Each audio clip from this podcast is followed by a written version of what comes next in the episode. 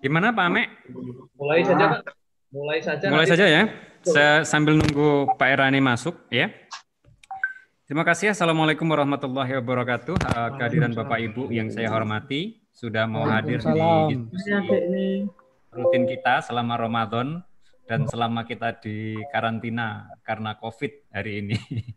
Mudah-mudahan segera berlalu COVID-nya dan mudah-mudahan banyak berkah setelah uh, COVID ini berlalu. Nah, Bapak Ibu yang saya hormati, hari ini kita akan diskusi. Uh, judulnya adalah uh, sejudulnya apa ini saya lupa apa Pak Ame? Rakyat menderita COVID merajalela. Oh, COVID menjangkit, rakyat menjerit. Oh, COVID menjangkit, rakyat menjerit. Nah, ini memang sudah mulai banyak menjerit. Artinya kemudian menjadi PR yang sangat penting bagi kita uh, sebagai akademisi, sebagai ilmuwan dan sebagai aktivis. Ini semuanya kumpulan itu semua yang hadir hari ini. Uh, sepertinya uh, kita mungkin dari, dari diskusi ini nanti kemudian muncul ide dan muncul uh, kita akan melakukan apa. Nah, yang menjadi menarik adalah uh, uh, diskusi hari ini mungkin kita selain berbicara soal kesehatan karena di sini ada Bu Siva yang akan jadi pembicara kita, kita juga akan melihat dalam dampak ekonomi, politik, sosial dan semacamnya. Termasuk apakah kemudian uh, penanganan COVID ini lebih didirect oleh Eh, kepentingan eh, kesehatan atau kepentingan ekonomi atau kepentingan politik, maka mungkin nanti akan dibahas selanjutnya. Nah, hari ini ada tiga pembicara yang sangat luar biasa dan sudah sangat populer di kalangan kita. Yang pertama yang sudah hadir adalah Bapak Fadilah Putra, Bapak Dok, Bapak Fadilah Putra PhD, ya sebagai Ketua ISNU Universitas Brawijaya, uh, yang juga uh, apa namanya uh, ahli pakar kebijakan ya banyak sekali buku beliau tentang uh, kebijakan dan itu akan sangat membantu kita dalam menganalisis dan kemudian melihat solusi dan sudut pandang yang berbeda dalam dimensi kebijakan. Kemudian yang kedua ada Bu Siva Mustika. Beliau adalah dosen ilmu kesehatan di kedokteran Universitas Brawijaya yang kemudian yang kebetulan juga bukan kebetulan yang juga menjadi satgas penanganan COVID di Universitas Brawijaya. Nah, beliau tentu sangat paham uh, di dalam eh, pendekatan-pendekatan uh, kesehatan dan juga menganalisis dimensi-dimensi uh, apa itu uh, penanganan kebijakan hari ini. Kemudian yang belum hadir satu lagi Profesor uh, Erani Yustika. Sebentar lagi mungkin beliau akan hadir. Mungkin masih beli pulsa dulu. Kuotanya habis. Uh, Profesor Erani sudah tentu uh, semua sudah tahu dan sudah kita kenal, ya. Beliau adalah salah satu guru besar di Universitas Brawijaya yang kemudian kita hibahkan kepada negara ini untuk menjadi uh, sempat uh, sempat di Kemendes, kemudian uh, menjadi uh, KSP ya, KSP Jokowi. Dan mungkin beliau juga ahli ekonomi kelembagaan yang akan banyak memberikan Eh, analisis-analisis yang sangat menarik untuk kemudian membaca bagaimana dan kemudian mencari dan kemudian merevisi kembali uh, kebijakan-kebijakan yang sudah diambil pemerintah. Karena dalam penanganan krisis, dalam penanganan seperti hari ini tentu tidak ada kebijakan yang sempurna. Yang ada adalah pengambil kebijakan cepat mungkin dan kemudian direvisi terus-menerus. Uh, demikian, uh, satu lagi yang tidak kalah kerennya adalah saya, Rahmat Gustomi, spesialis moderator ya yang akan yang akan membantu memfasilitasi Bapak Ibu kemudian untuk diskusi-diskusi ini ya dari mudah-mudahan saya bisa uh, menjadi fasilitator yang baik malam ini. Uh, terima kasih. Demikian uh, pembukaan ke, uh, untuk untuk diskusi kali ini. Mungkin yang pertama Bu Siva atau Pak Fadil dulu. Pak Fadil dulu. Siva dulu aja. Monggo kerja, monggo. Pak Fadila dulu, silakan. Pak Fadila dulu atau Bu Siva dulu karena beliau adalah dari uh, kesehatan. Artinya kita biar memiliki uh, persepsi yang yang yang lebih solid soal apa sih COVID-19 ini dan kemudian uh, kita bisa memiliki persepsi yang sama dari situ uh, dan uh, dan mispersepsi-persepsi yang berkembang di luaran sehingga nanti kemudian uh, kita bisa menganalisisnya lebih mendalam dan memberikan input. Baik untuk Bu Siva, oh saya, saya sampaikan juga ini uh, juga live di channel Pusat Studi Pesantren dan Nalar Kritis. Cuman uh, mau mau di Facebook ternyata sudah bisa, cuman cuman bisa dua maksimal. Uh, monggo untuk Bu Siva, uh, kami persilahkan waktu dan waktu dan monitor kami persilahkan. Oke, terima kasih uh, Mas Gustaf, Mas anu moderator ya. Oke, Assalamualaikum warahmatullahi wabarakatuh. Waalaikumsalam warahmatullahi wabarakatuh. Oke, uh, saya pribadi berterima kasih sekali akhirnya pada kesempatan kali ini uh, bisa kumpul bareng ketemu walaupun secara online daring uh, untuk uh, sharing dan diskusi bersama rekan-rekan dan senior-senior saya akademisi uh, baik yang di UB ataupun mungkin yang di luar UB uh, terkait dengan masalah COVID.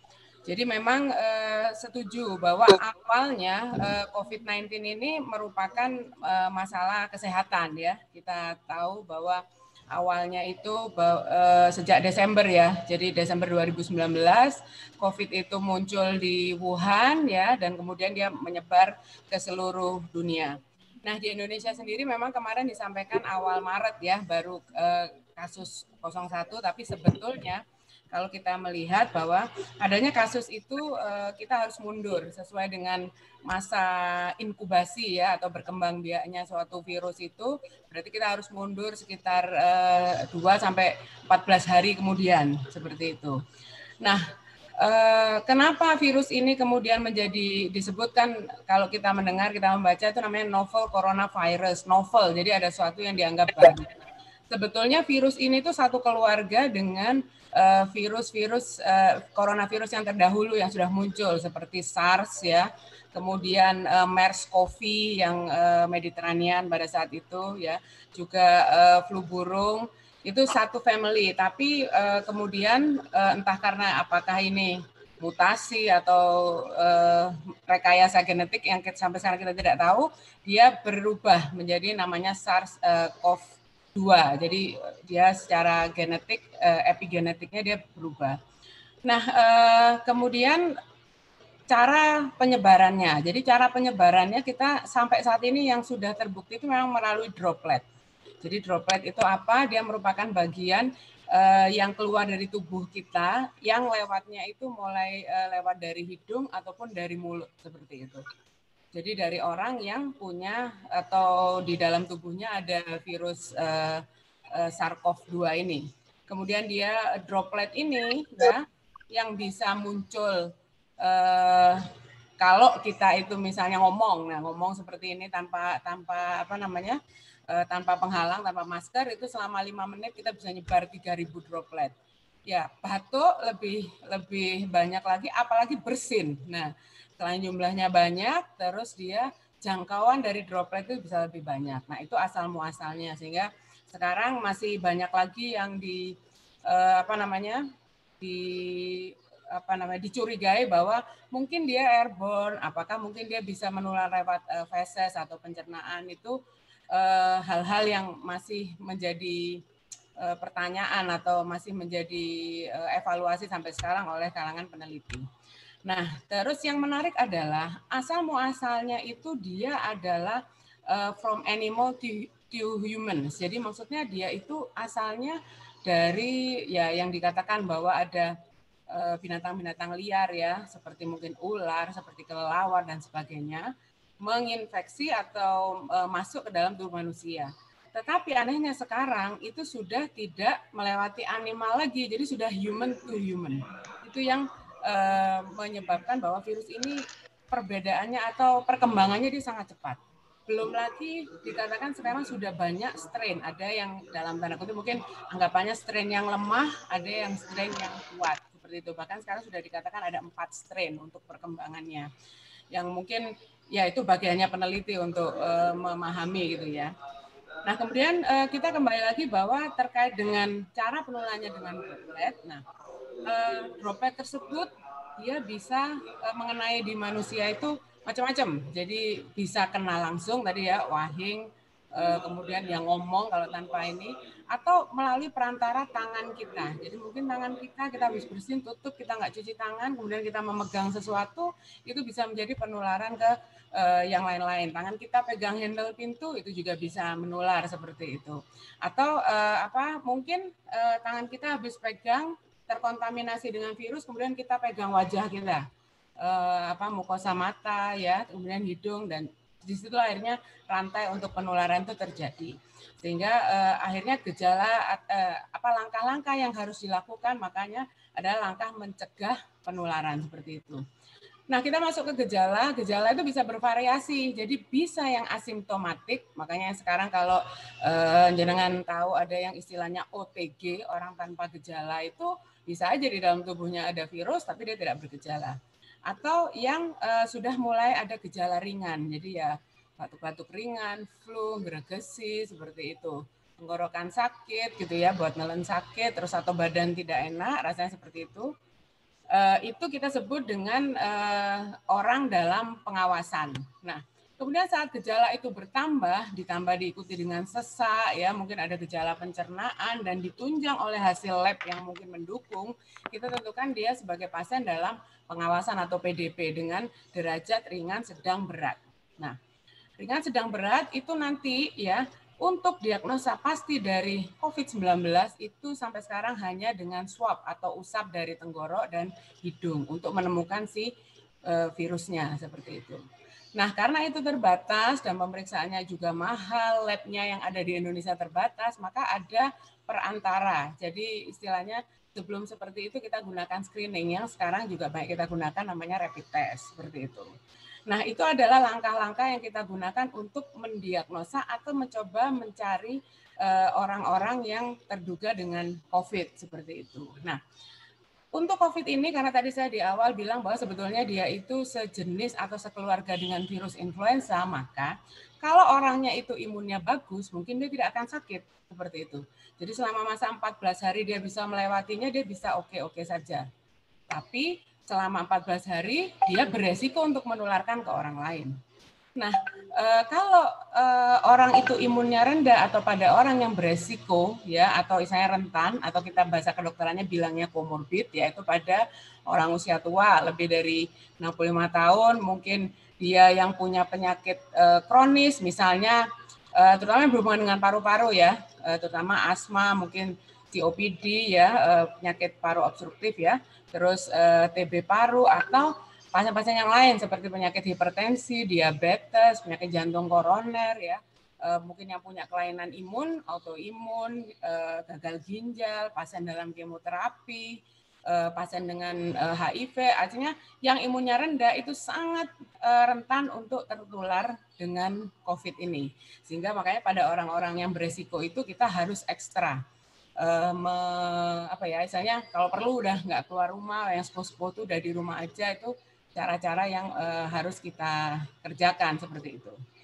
Nah terkait dari tadi yang saya sampaikan bahwa ini memang awalnya problemnya adalah problem medis, tapi seperti kita ketahui bahwa problem medis ini tidak mudah di, untuk diatasi karena tadi jumlah persentase mungkin orang yang tanpa gejala dengan yang bergejala mungkin sampai sekarang kita tidak tahu terkait dengan kurangnya uh, atau minimnya uh, tes atau screening atau apa pun yang dilakukan oleh pemerintah kita seperti itu.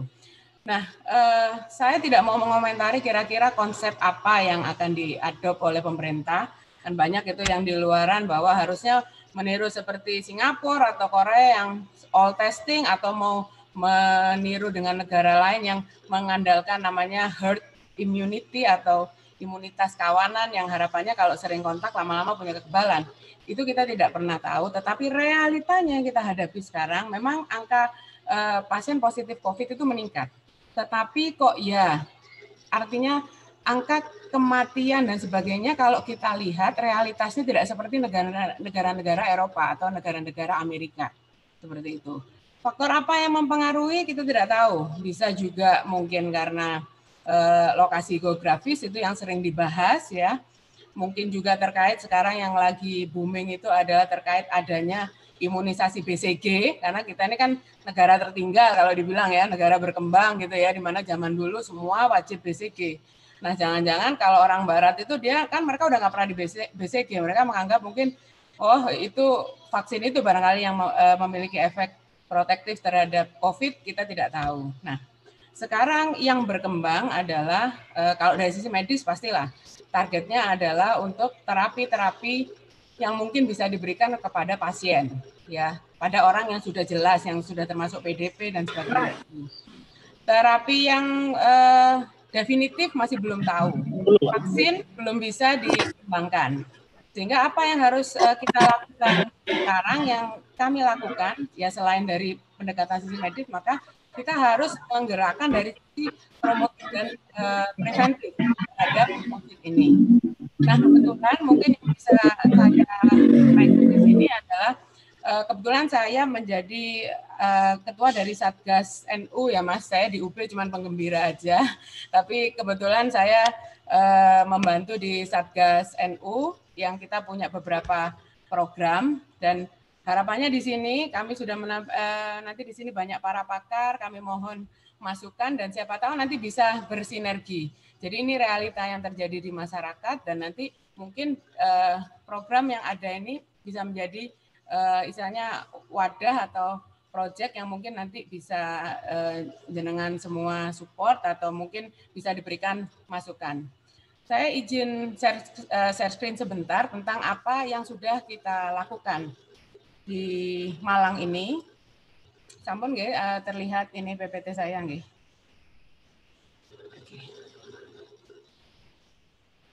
Terlihat PPT saya, Mas?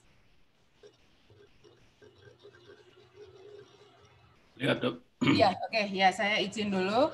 Uh, ini kami Satgas NU ini sudah uh, muncul atau terbentuk di tanggal 25 Maret uh, 2019 dan keunikannya adalah kami mencakup area Malang Raya. Jadi kami tidak hanya Kota Malang tapi juga uh, kabupaten dan uh, Kota Batu. Dan di sini kami memiliki program kerja ini kita buat dua klaster karena uniknya di sini kami tergabung dari banom-banom semua termasuk dari ISNU juga, kemudian Banser, Fatayat, ke Muslimat dan juga eh, apa namanya eh, kami memasukkan PDNU, jadi Perhimpunan Dokter Nahdlatul Ulama, sehingga khasnya kami punya dua klaster, ada klaster medis dan klaster non medis. Nah, medis apa yang sudah kita kerjakan kita punya beberapa program PKP ini pelatihan kader penggerak COVID Malang Raya. Kami menyadari tenaga medis ini sedikit tidak mungkin kami bisa memberikan edukasi ke semua orang sehingga kami membutuhkan uh, relawan yang siap untuk menjadi uh, tenaga edukasi buat masyarakat ya. Kemudian kami punya program kupas tuntas. Ini biasanya para pakar akan memberikan uh, video pendek tentang apa-apa yang harus diperhatikan, misalnya COVID pada anak, kemudian COVID pada dewasa, kemarin tips berpuasa seperti itu. Kemudian kami punya program dokter santri di mana kami turun ke pondok pesantren. Jadi kami ingin memastikan bagaimana kesehatan santri, terutama yang kemarin itu yang pada mau pulang gitu kan, membutuhkan surat keterangan dan sebagainya, kami bantu. Kemudian kami punya klinik COVID-19, ini sementara kita letakkan di klinik NU yang Aris Munandar, dan kami punya emergency medical team type 1 mobile Marang Raya. Jika ada kesulitan, membutuhkan merujuk PDP dan sebagainya, kami sudah siap. Nah, ini yang sudah kita kerjakan, kami sudah punya 50 kader yang harapannya itu bisa jadi corong kami untuk terkait edukasi masalah COVID ini. Kemudian eh, program Kupas Tuntas sedang berjalan. Nah, dokter santri kami sudah datang ke empat pondok pesantren di Kota Malang dan Kabupaten juga. Baru tadi kami juga screening di Mergosono, di Nurul Huda, sekitar hampir 2.000 eh, santri, jadi 1.930-an. Nah, klinik COVID ini kemarin dua minggu yang lalu kami lakukan screening terhadap relawan karena mereka tuh udah kurang lebih dua bulan udah nyemprot ke sana kemari. Kami peduli dan kami ingin tahu gimana kesehatan mereka. Sekitar 195 sudah kami screening. Dan untuk kegiatan uh, medical mobile medical team ini juga bersamaan dengan dokter santri. Kami dari sekian ini target kami yang sudah uh, hampir baik ini adalah yang pelatihan kader penggerak. Untuk yang lain uh, dokter santri dan sebagainya kami tetap uh, uh, running masih tetap berjalan. Nah, ini grafik capaian kami. Nah, mungkin uh, ini dokumentasinya. Jadi ini kami periksa di klinik NU seperti itu. Jadi kami standar APD juga kami lengkapi. Ini relawan kami periksa. Kemudian ini kami donasi untuk APD eh, di klinik COVID. Kemudian ya ini uh, proses pemeriksaan dari relawan. Ini pelatihan kader penggerak waktu itu di tempat kami di Posko Induk uh, Hasim Masari 21 di sana kami kerjakan. Ini waktu pembukaan klinik COVID Dan ini kami klaster non medis, saya rasa ini yang banyak sudah ber, berjalan dan juga ini juga yang kami butuh nanti masukan dari senior guru besar yang ada di sini terkait dengan keberlangsungannya gugus tugas desinfektan ini sudah berjalan. Itu saya rasa di awal semua orang harus nyemproti sana sini gitu ya. Karena beranggapan bahwa menyemprot desinfektan bisa menyetop COVID seperti itu.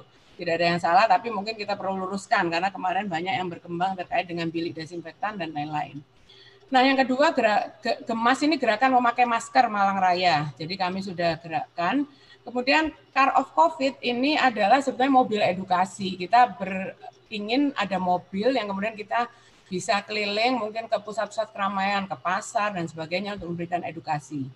Nah, kita punya program Pak Mbak Duafa ini adalah uh, untuk paket sembako untuk uh, Duafa terdampak di Malang Raya, insya Allah sudah berjalan. Nah, mungkin yang uh, ini pendekatan UKM. Jadi pendek UKM ini pendekatan UKM untuk yang memang sekarang yang ekonominya lesu, udah nggak bisa jualan seperti itu. Mungkin itu perlu kita bantu. Metodenya seperti apa nanti mohon masukan. Kemudian terkait bak cuci tangan sudah kita kerjakan APD Nakes dan Gizi Nakes. Ini capaiannya yang sudah kita kerjakan. Mungkin eh, kalau lihat persentasenya sebagian besar sudah bagus. Yang masker ini malah kita sudah melebihi dari 30 ribu masker yang kita rencanakan sudah lebih 37 ribu. Nah mungkin yang kurang adalah terkait dengan ini pendampingan UKM karena eh, seperti saya sampaikan di awal masalah COVID ini memang adalah masalah kesehatan. Tetapi jika ini terus berjalan, bahkan lebih dari dua bulan saja, kalau di Wuhan mungkin dua bulan, itu pun sudah terdampak ekonomi.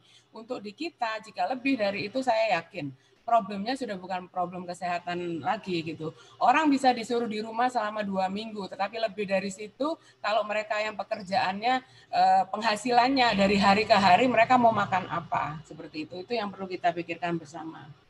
Kemudian untuk APD kami sudah memenuhi, tinggal mungkin ada paket gizi nakes yang belum tersampaikan. Ini capaian kami.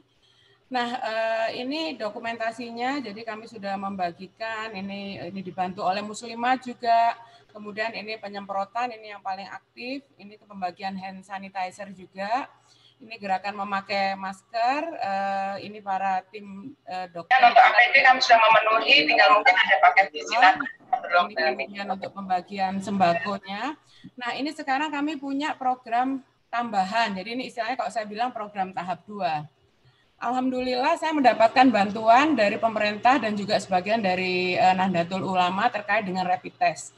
Jadi saya memiliki tiga ribuan rapid test dan ini program kami adalah kami melakukan screening khususnya ke warga pesantren dan warga sekitar. Artinya warga Nahdlatul Ulama lah. Jadi ini yang akan kita kerjakan. Hari ini tadi sudah berjalan kurang lebih 250-an di Pondok Pesantren e, Mergosono. Jadi santri, e, keluarga dalam dan juga warga sekitar kita sudah cek. Nanti minggu depan e, tanggal 7 kami ada acara, tanggal 9, tanggal 10 juga ada.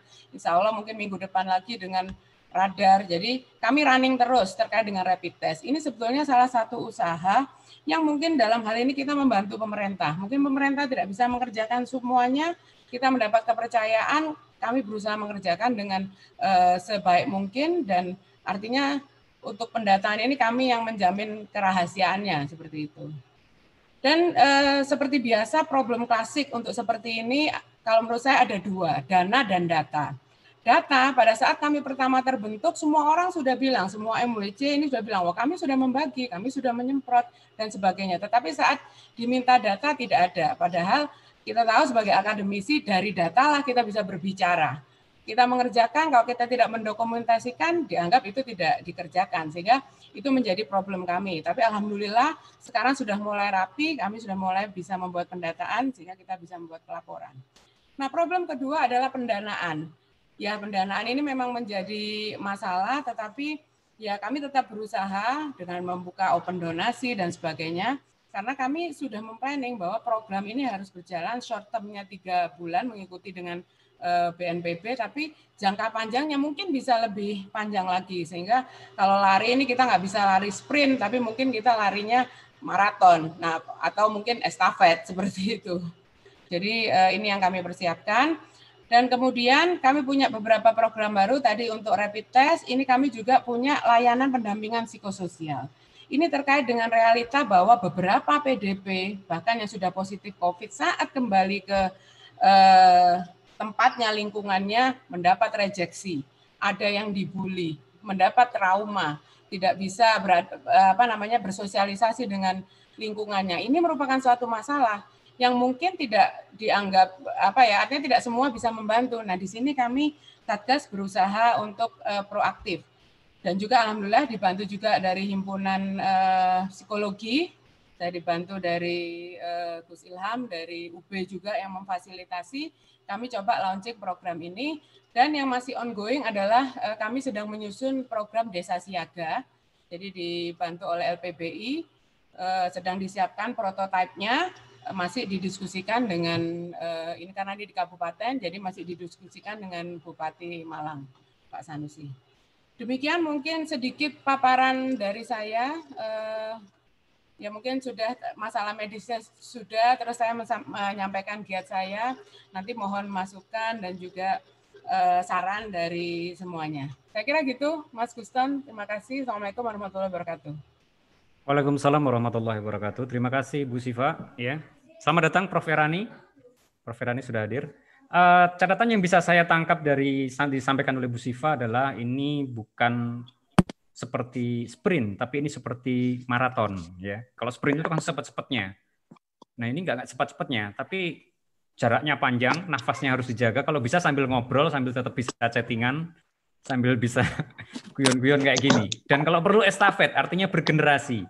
Nah ini menjadi menjadi sangat sangat penting ya. Artinya eh, saya pikir COVID itu adalah turning point untuk revolusi, termasuk revolusi keagamaan bisa jadi nanti uh, taraweh online gitu ya VK-nya terlalu inovatif mungkin.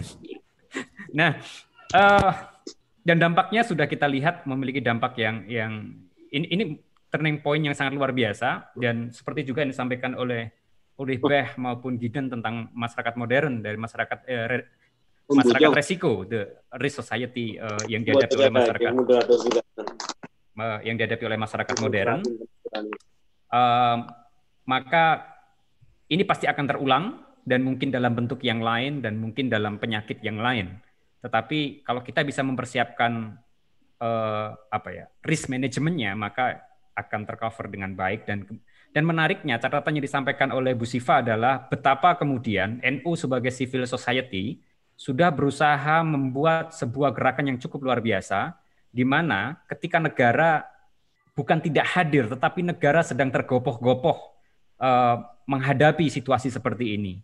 Dan saya pikir ini menjadi inspirasi bagi teman-teman dari uh, civil society yang lain yang hadir di sini banyak sekali, bukan hanya dari NU. Saya pikir ada teman-teman dari banyak sekali organisasi.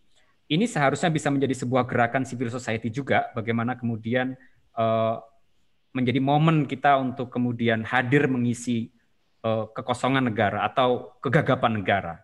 Nah, untuk menyambung lebih lebih detail lagi, uh, dampak dan kemudian bagaimana kita akan uh, ke depannya sudah uh, tadi sudah saya perkenalkan ada Bapak Fadilah Putra PhD yang ahli kebijakan monggo untuk Pak Fadilah Putra mic dan monitor saya persilahkan.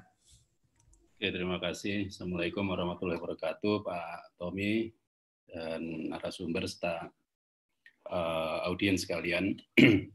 Jadi yang pertama, saya perlu mengapresiasi terlebih dahulu apa yang sudah dilakukan oleh uh, eh, Dr. Siva dan uh, sahabat-sahabat di NU Kota uh, Malang Raya. Malang Raya atau Kota Malang, Dok? Malang Raya. Malang Raya, gitu. Ya. Jadi luar biasa inisiatifnya dan sudah banyak capaian-capaian uh, yang tadi uh, disampaikan. Uh, baik, saya ingin memulai diskusi ini dengan uh, apa, mencoba untuk menjelaskan ada tiga tahapan penting ya dalam uh, melihat fenomena ini. Yang pertama adalah uh, ketika uh, di bulan November mungkin ya 2019 sampai Desember COVID-19 ini uh, merupakan sebuah endemi. Artinya dia hanya ada di satu lokasi tertentu uh, yang kemudian juga di mungkin masyarakat tertentu atau negara atau daerah tertentu. Nah, kemudian tahap kedua dia menjadi pandemi. Ya, ketika kemudian uh, apa, endemi itu tidak bisa dibendung, kemudian terjadi uh, apa namanya interaksi yang sangat cepat dan luas secara internasional lalu dia berubah dari endemi menjadi pandemi. Nah, tapi kemudian itu belum berakhir karena sekarang kita masuk pada tahap ketiga, ya, jadi dari endemi kemudian menjadi pandemi dan sekarang menjadi resesi. Dan menjadi resesi tadi sudah dijelaskan oleh uh, Dr. Siva bahwa ketika uh, sudah menjadi resesi maka ini sudah bukan iya, saja persoalan kesehatan tetapi juga uh, politik, persoalan ekonomi dan sebagainya. Nah, perubahan dari tiga uh, fase apa, perluasan problem inilah yang nanti coba kita uh, lihat mengapa itu sampai terjadi. Nah, misalnya pertama dari endemi menjadi pandemi. Kenapa bisa sebuah uh, endemi ber, bertransformasi secara cepat menjadi pandemi? Uh, tentu saja karena uh, pada saat status dari COVID ini masih endemi, tidak segera ada pengakuan ya, dari otoritas di mana endemi itu terjadi, sehingga kemudian dan eh, ketidak eh, keengganan untuk mengakui bahwa sedang terjadi potensi adanya pandemi ini diakibatkan banyak hal. Yang mungkin salah satunya adalah ekonomi karena ketika ada pengakuan dan ada apa namanya ke eh, keyakinan bahwa ini akan menjadi pandemi maka itu akan berakibat pada guncangan ekonomi. Sehingga ada ada denial. Pada saat itu ada denial karena mereka berpikir bahwa wah ini kalau uh, apa kita harus transparan kita mengakui bahwa ada potensi kerusakan yang besar ini perekonomian di uh, Wuhan atau bahkan di Cina bisa bisa terganggu karena interaksi bisnis internasional mungkin akan terhambat. Sehingga hesis apa uh, hesita, hesitation ini yang membuat uh, tidak segera terjadi uh, di lokali, uh, lokalisir ya persoalan ketika ini statusnya masih endemi. Nah, lalu dia meluas, uh, menyebar uh, menjadi pandemi. Uh, itu pun pada awalnya negara-negara juga masih memiliki kekhawatiran yang sama bahwa kalau ini segera kita akui maka ini akan berakibat pada kebangkrutan sendi-sendi ekonomi dan bahkan sendi-sendi sosial. Dan akhirnya ada yang ingin segera merespon, ada yang nanti dulu kita lihat apakah memang separah itu dan sebagainya. Inilah titik kritis di mana kemudian keraguan-raguan itu muncul terutama bagi negara-negara yang tidak memiliki public trust yang cukup tinggi. Kenapa? Karena keputusan eh, setiap keputusan setiap keputusan penting itu selalu memiliki biaya politik atau political cost. Itu belum lagi biaya ekonomi. Sehingga kalau kemudian negara itu memiliki public trust yang rendah, biaya politiknya akan semakin mahal. Semakin mahalnya biaya politik akan membuat keputusan semakin lambat. Karena terlalu banyak variabel yang harus dihitung. Nah, lambat lambatnya inilah yang kemudian uh, berakibat ya, uh, si apa corona ini tidak tidak peduli ya dengan elektabilitas, tidak peduli dengan public support dan sebagainya, dia tetap akan terus menyebar hari ini atau kapan pun keputusan diambil dia akan terus menyebar. Nah, sehingga keraguan sejak keraguan otoritas sejak ini menjadi endemi, kemudian berubah menjadi pandemi, inilah yang kemudian mengantarkan kepada terjadinya resesi. Dan uh, ketika resesi terjadi, apa yang dikhawatirkan ketika dia masih menjadi endemi dan pandemi itu semuanya terjadi. Sekarang khawatir wah ini kalau kita buka nanti gimana bisnisnya, ini kalau kita buka gimana uh, apa namanya stabilitas politik, ini kalau kita buka gimana uh, apa namanya keresahan masyarakat. Dan ternyata sekarang semuanya itu terjadi. Ketika ketika ini sudah menjadi resesi, apa yang dikhawatirkan ketika dia masih berstatus endemi itu sekarang uh, terjadi semua. Sehingga keraguan-raguan atau kalkulasi-kalkulasi uh, dalam pengambilan keputusan pada saat itu mubazir ya. Karena ternyata hasilnya sama saja. Bahkan mungkin lebih buruk ya, daripada ketika saat itu segera di uh, Nah ini ini evaluatif ya. Pada fase yang pertama ini saya akan uh, Eh, mencoba untuk mengevaluasi, tidak mencari siapa yang salah, siapa yang benar, tapi perlu juga kita melakukan kritik. Eh, bahkan di beberapa diskusi yang sempat saya ikuti ya sudah jelas siapa yang paling bertanggung jawab di sini ya pelaku bisnis yang paling bertanggung jawab. Karena yang gandoli ya pada saat itu jangan dulu jangan diumumkan jangan uh, dibuka dan sebagainya itu ya kepentingan-kepentingan uh, bisnis tentunya yang paling pertama kali uh, merasa perlu untuk tidak segera ada pengakuan Nah, kemudian sekarang sudah menjadi resesi. Seberapa luas dampaknya? Mungkin nanti Prof. Erani bisa, kalau tadi Dr. Siva sudah menjelaskan dampaknya terhadap kesehatan, kemudian sosial dan sebagainya. Mungkin nanti Prof. Erani juga akan menunjukkan data-data sampai seberapa uh, keras ya. COVID-19 ini menghantam ekonomi, tapi yang menarik adalah uh, ada sebuah diskusi yang ternyata bisa menjelaskan bagaimana ini tidak hanya pada ekonomi sosial dan kesehatan, tapi juga pada aspek politik, khususnya bagaimana COVID-19 ini menghantam demokrasi. Ini yang belum banyak dibicarakan. Jadi ada dua hal paling tidak. Yang pertama adalah dan ini terjadi di negara-negara seperti Hungaria, Rusia, India, dan terakhir adalah Filipina. Terakhir adalah Filipina. Eh, fenomenanya adalah eh, apa namanya dengan adanya dengan alasan eh, apa namanya crisis situation dengan adanya emergency dan seterusnya banyak pemimpin-pemimpin politik yang kemudian memanfaatkan situasi krisis ini untuk meninggikan atau memperkuat otoritasnya untuk mengambil alih semua kendali. Nah, maka ini saya sepakat dengan apa yang disampaikan Pak Tommy bahwa sebenarnya masyarakat sipil di sini harus mengambil peran. Jadi ini cepat-cepatan. Siapa yang paling cepat me, apa namanya me, melakukan tindakan yang produktif ya, maka dia yang, yang akan mendapat uh, trust dari masyarakat. Nah, apa yang terjadi di Hungaria, apa yang terjadi di Rusia, terjadi di India mungkin tidak 100%, ya 60-70%, dan terakhir adalah apa yang dilakukan Duterte di Filipina, itu adalah contoh bagaimana kemudian eh, ini bukan karena eh, COVID-19-nya, tapi karena COVID-19 menciptakan resesi, dan resesi mengantarkan pada situasi krisis, dan situasi krisis itu cenderung dimanfaatkan sebagai alasan bagi pemimpin otoriter untuk melegitimasi eh, powernya bahwa saya harus take over semua. Saya harus ambil alih semua kendali dan sebagainya. Itu bagaimana tidak hanya di ekonomi bahkan di demokrasi pun sekarang sudah dihantam oleh adanya COVID ini. Yang kedua adalah saya tidak tahu kenapa di Indonesia tidak terlalu banyak. Mungkin nanti uh, Dr. Siva juga bisa menjelaskan diskusi yang dari teman-teman medis seperti apa. Tapi yang terjadi di negara-negara maju sekarang itu mereka sudah mendiskusikan terkait adanya tracking apps jadi bagaimana pemerintah itu bisa mendeteksi pergerakan setiap warga negara dengan eh, apa namanya secara tersentral itu mendeteksi melalui cellphone, melalui semua gadget yang dipakai oleh warga masyarakatnya sehingga pergerakan eh, masyarakat itu bisa terpantau dari situ. Dan ini ternyata kalau di Israel misalnya mereka menggunakan Sinbad ya cukup sudah cukup terkenal itu dan sangat efektif karena selama ini Sinbad itu dipakai untuk uh, mendeteksi keberadaan uh, teroris, tapi pada eh, masa COVID ini itu dialihfungsikan untuk mendeteksi pergerakan masyarakat.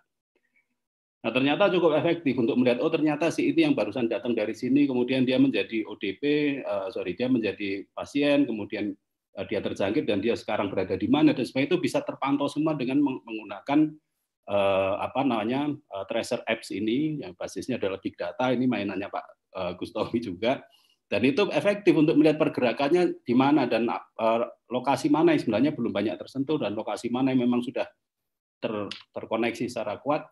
Akan tetapi apa hubungannya dengan demokrasi?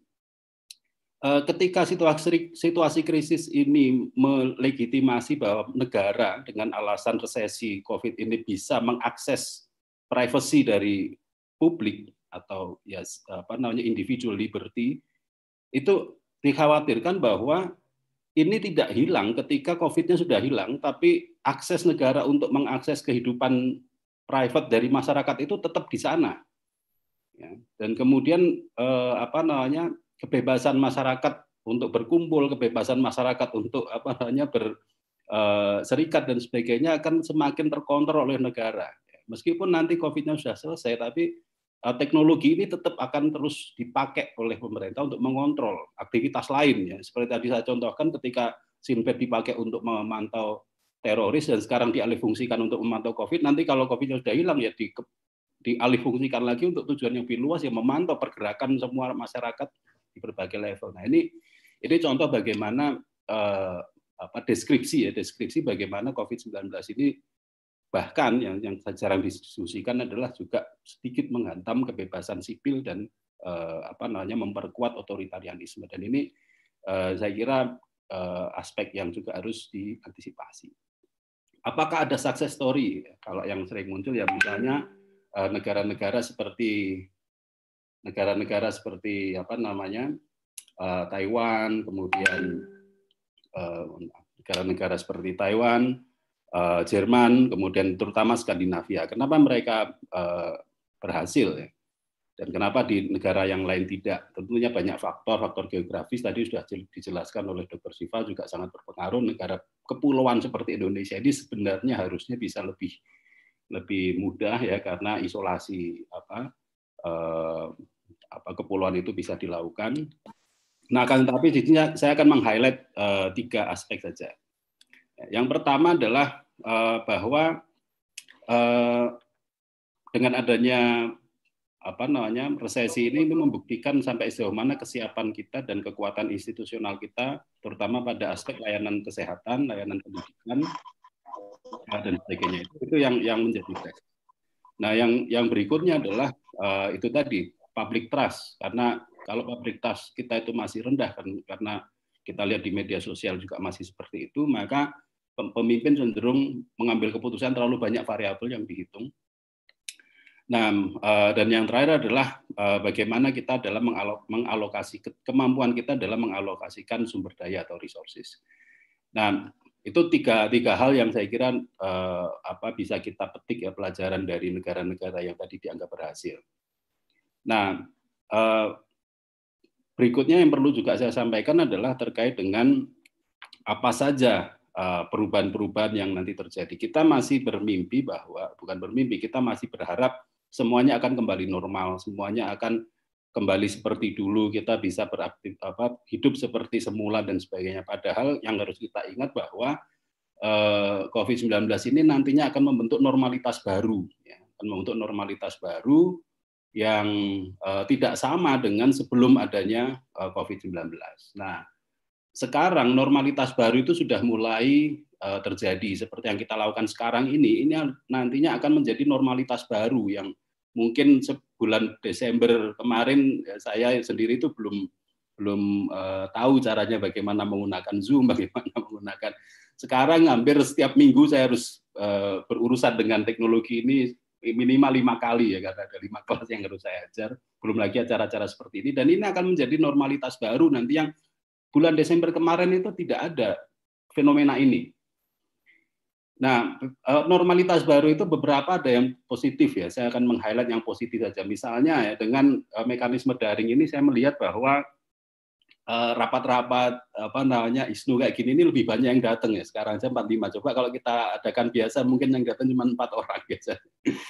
Saya nunggu sampai dua jam ya. Nunggunya dua jam itu yang datang cuma lima orang akhirnya ya terus nggak jadi diskusi ya. Kalau dengan daring ini ternyata cuma diumumkan lewat media sosial aja udah sampai sekarang berapa hampir 50 ya peserta itu luar biasa. Ini ada akan menjadi normalitas baru sehingga ke depan kita berpikir ah, rapat daripada ketemu yang ngumpul cuma lima orang kita bikin daring aja lah itu adalah normalitas baru yang nantinya akan akan terjadi. Jadi tidak 100% semuanya akan kembali seperti dulu. Ini justru ada hal-hal baru. Nah, yang terkait dengan kebijakan publik apa yang harus dilakukan? Normalitas baru ini saya kira harus dilembagakan ya. Jadi pertama, kemarin kita melihat bahwa ternyata perjalanan dinas ya di satu kabupaten ketika dihilangkan hanya dalam waktu 3 sampai 4 bulan aja itu bisa sampai 20 miliar.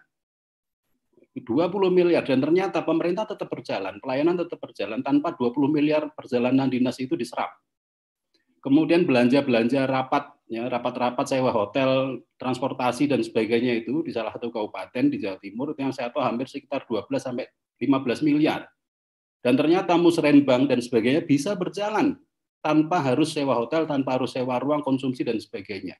Nah ini efisiensi luar biasa. Kemudian eh, kita tidak memerlu eh, kuliah misalnya banyak biaya SPP dipakai untuk pembangunan gedung ternyata juga nggak penting-penting amat karena ternyata kuliah juga bisa di rumah dan sebagainya. Nah ini ini adalah bentuk-bentuk normalitas normalitas baru yang nantinya akan akan membentuk masyarakat yang uh, berbeda. Dan saya kira beberapa aspek yang tadi saya jelaskan itu adalah hal positif yang sebenarnya harus dipertahankan dan jangan sampai uh, ini kembali seperti semula. Bahkan saya tidak berharap kemudian kita kembali seperti Desember 2019 ya nanti di bulan nggak tahu bulan Agustus atau bulan September situasi sudah berbeda, kebiasaan masyarakat sudah berbeda dan itu yang saya kira sekarang harus di uh, di apa diteruskan ya terutama kebijakan-kebijakan memper, mempermudah bisnis dan sebagainya.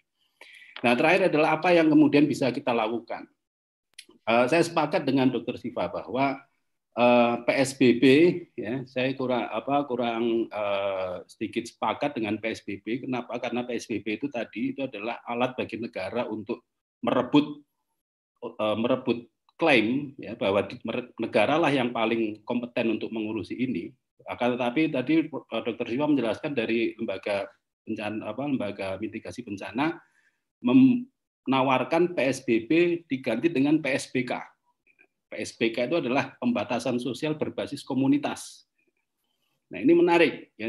Dalam konsep PSBK yang ditawarkan oleh teman-teman NU itu, yang digerakkan itu warung-warung sekitar, kemudian hansip, kemudian eh, ketua RW dan sebagainya. Semuanya itu memiliki peran dan job deskripsi masing-masing. Nah ini saya kira yang nanti eh, apa namanya eh, Isnu mungkin akan coba untuk memperkuat ya, bagaimana kemudian PSBK ini bisa landing dan menjadi jadi eh, apa namanya salah satu solusi ya. Tentunya mensupport negara kita tidak oposisi terhadap negara tapi mensupport apa yang dilakukan negara tapi kita menunjukkan bahwa masyarakat juga bisa berbuat. Dan terakhir apa yang harus kita lakukan ya, kita normalitas normalitas baru yang tadi sudah saya sebutkan itu kita jadikan standar ya kita jadikan kebiasaan kita dan kemudian eh, apa namanya kita mencoba untuk me, me, mengatasi hal-hal yang selama ini kita kita lakukan itu dengan bentuk-bentuk normalitas baru yang sekarang ini sedang terjadi. Itu yang sedang uh, saya kira Isnu juga mengidentifikasi ya. Tadi kita perlu membuat list yang lebih panjang. Apa sih hal-hal baru yang sekarang ini kita lakukan dan itu ternyata lebih baik? Itu yang nanti harus dijadikan sebagai normalitas yang lebih permanen.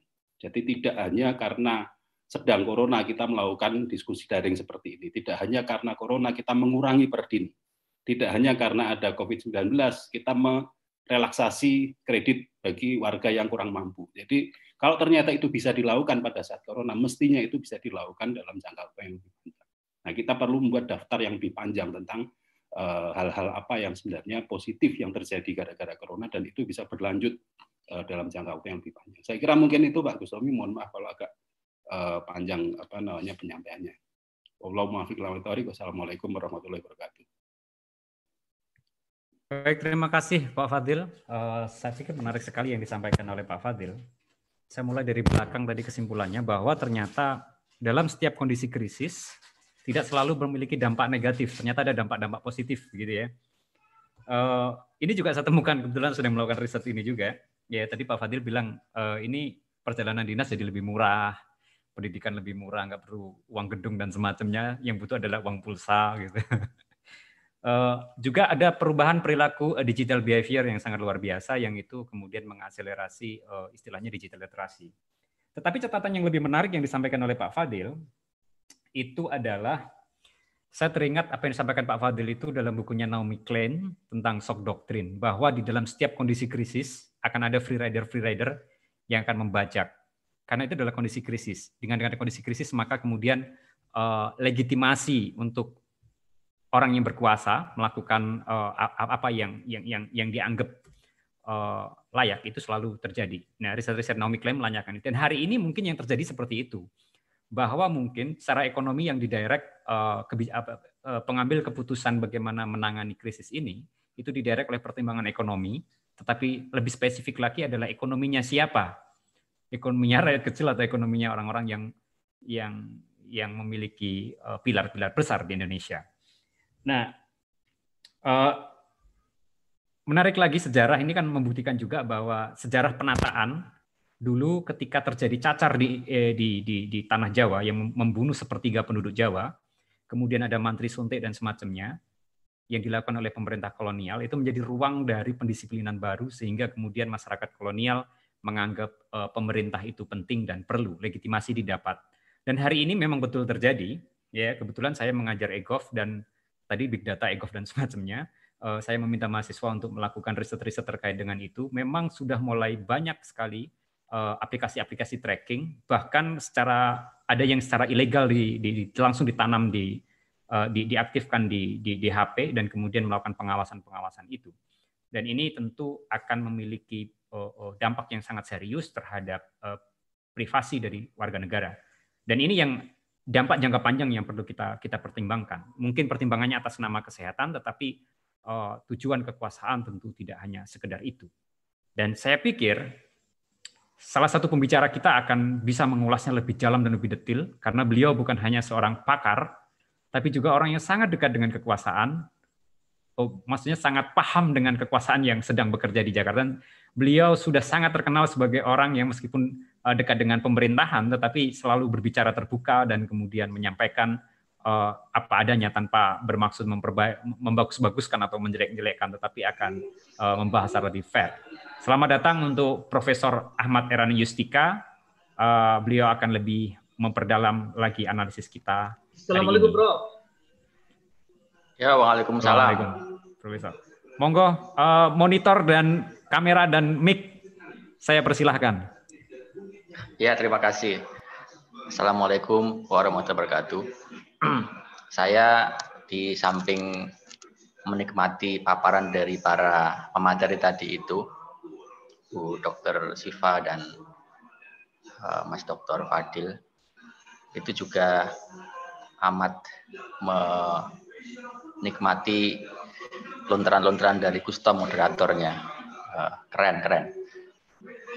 Jadi insya Allah kita punya banyak kader lah di masa yang akan datang. Saya akan menyampaikan paparan yang ada slide-nya ini. Udah bisa dibaca ya? Belum, Prof. Belum. Harus diklik dulu kayaknya, Prof. Nah, oke, okay, sudah. Sudah ya? Oke. Okay. Sebetulnya ini sudah entah berapa kali saya menyampaikan ini dalam forum-forum daring gitu ya yang uh, hampir setiap uh, hari meminta dan mengadakan acara-acara diskusi semacam ini. Uh, saya kira sebagian dari teman-teman yang ada di sini juga pernah melihat atau mendengarkan ini. Tapi sebagai sebuah pemantik diskusi nanti beberapa hal lain bisa saya sampaikan. Judulnya sih ringkes saja mengenai pandemi dan ekonomi. Saya sudah menulis ini di Kompas sekitar eh, tiga empat minggu yang lalu mengenai isu ini. Kita semua sudah memahami dengan baiklah hal-hal yang terkait dengan wabah ini dari banyak aspek dan sudah dibahas satu persatu. Sebelum saya masuk ke isu ekonomi, izinkan saya menggambarkan serba terbatas saja mengenai bagaimana eh, hal-hal ini terjadi dari mulai periode pertama sampai gelombang eh, hari ini terjadi. Jadi pada gelombang pertama pada awal Maret itu kita memang menyaksikan bahwa respon pemerintah itu kurang serius dan itu menjadi sinyal yang tidak bagus bagi warga. Eh, seolah-olah ini perkara yang sederhana untuk di dihadapi maupun dikelola oleh pemerintah. Setidaknya sampai minggu kedua sekitar tanggal 15, 16 sampai 18 itu kehidupan bermasyarakat, kegiatan ekonomi di Indonesia itu normal-normal saja bahwa ada pemberitaan, ada pernyataan satu, dua, dan seterusnya itu hanya dianggap sebagai selingan saja, tapi bukan menggambarkan situasi kedaruratan nasional ketika di negara-negara lain sudah dilakukan upaya-upaya yang amat serius.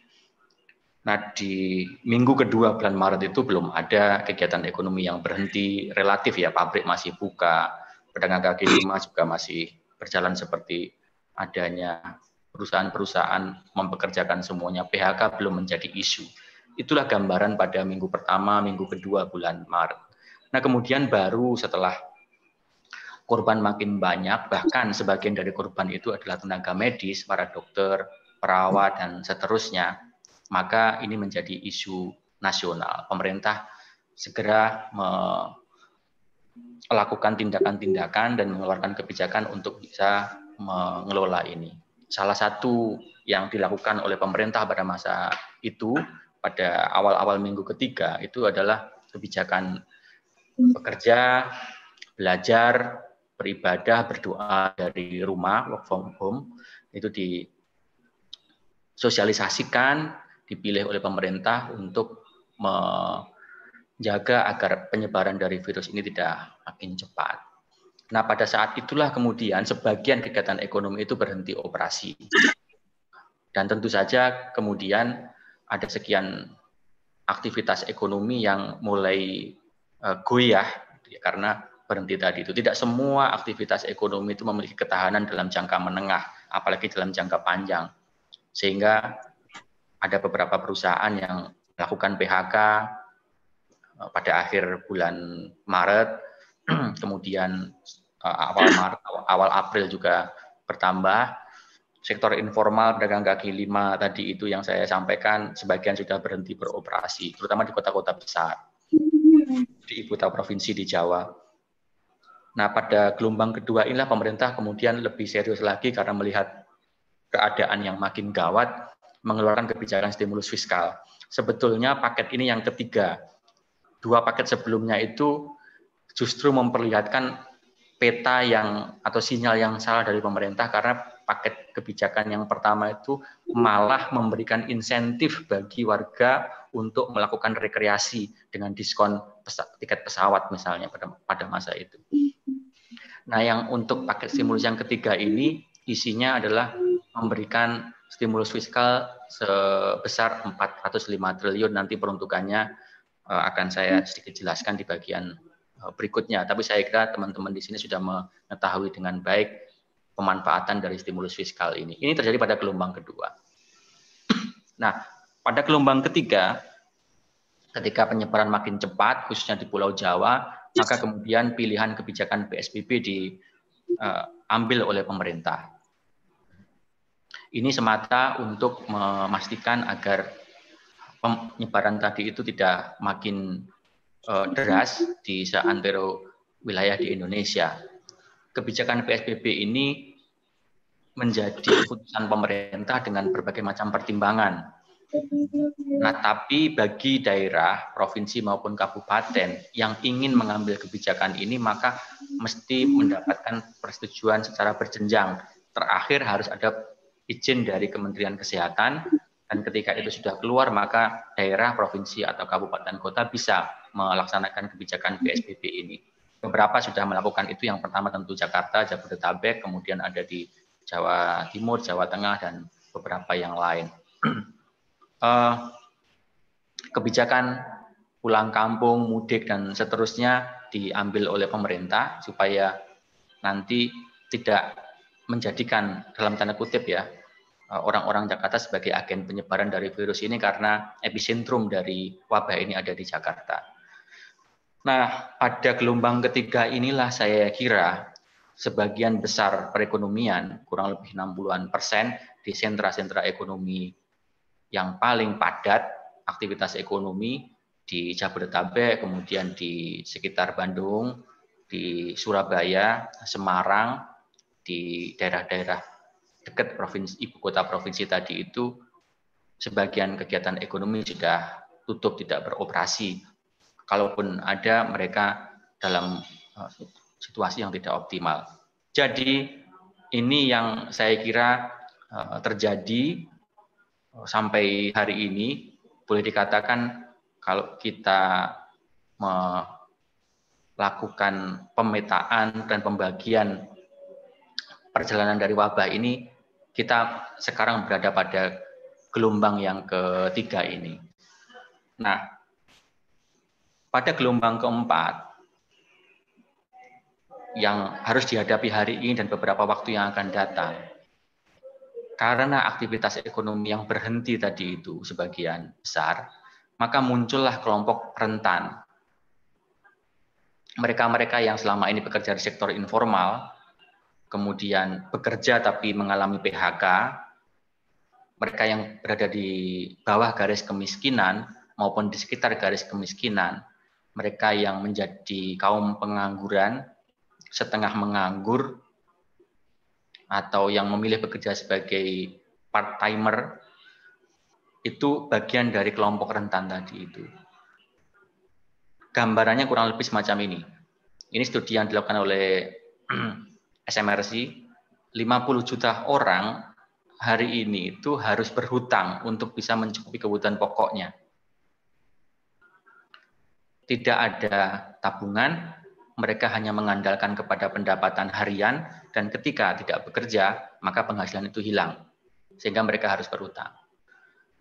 Datanya hampir 25 juta penduduk Indonesia itu di bawah garis kemiskinan, itu 24,7 juta tepatnya gitu ya. Tetapi di kalimat yang paling bawah itu ada sekitar 75 sampai 100 juta penduduk Indonesia itu yang berada di sekitar garis kemiskinan, sedikit aja di atas garis kemiskinan. Itu jumlahnya besar sekali. Ini mudah sekali turun menjadi masyarakat miskin tadi itu. Nah, kemudian ada pengangguran terbuka, jumlahnya itu 7 juta atau 5,01 persen, dan setengah penganggur itu 8 juta. Ini semuanya rentan ada 15 juta tadi itu. Nah, akibat ada PHK, kemudian sektor informal yang tidak bekerja lagi sebagian tadi itu, maka pasti ada pembengkakan penganggur baru.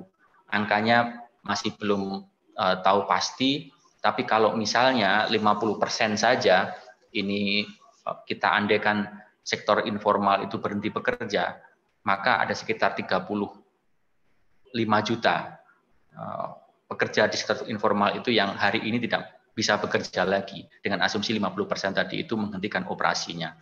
Nah, ini situasi yang kita hadapi pada gelombang keempat sehingga nanti isunya adalah seberapa cepat pemerintah membuat validasi data secara valid, kemudian mengeksekusi data tadi itu sampai kemudian bantuan sosial, proteksi sosial yang didesain oleh pemerintah itu sampai ke halaman rumah masing-masing.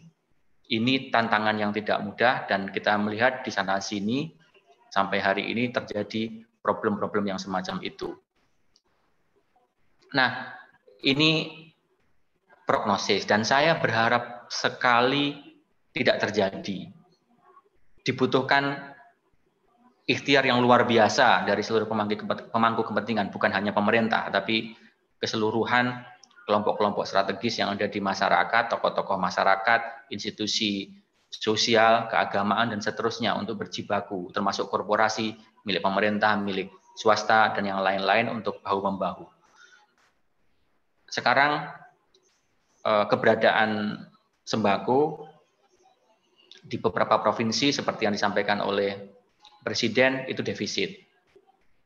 Dan harga-harga mulai merangkak naik.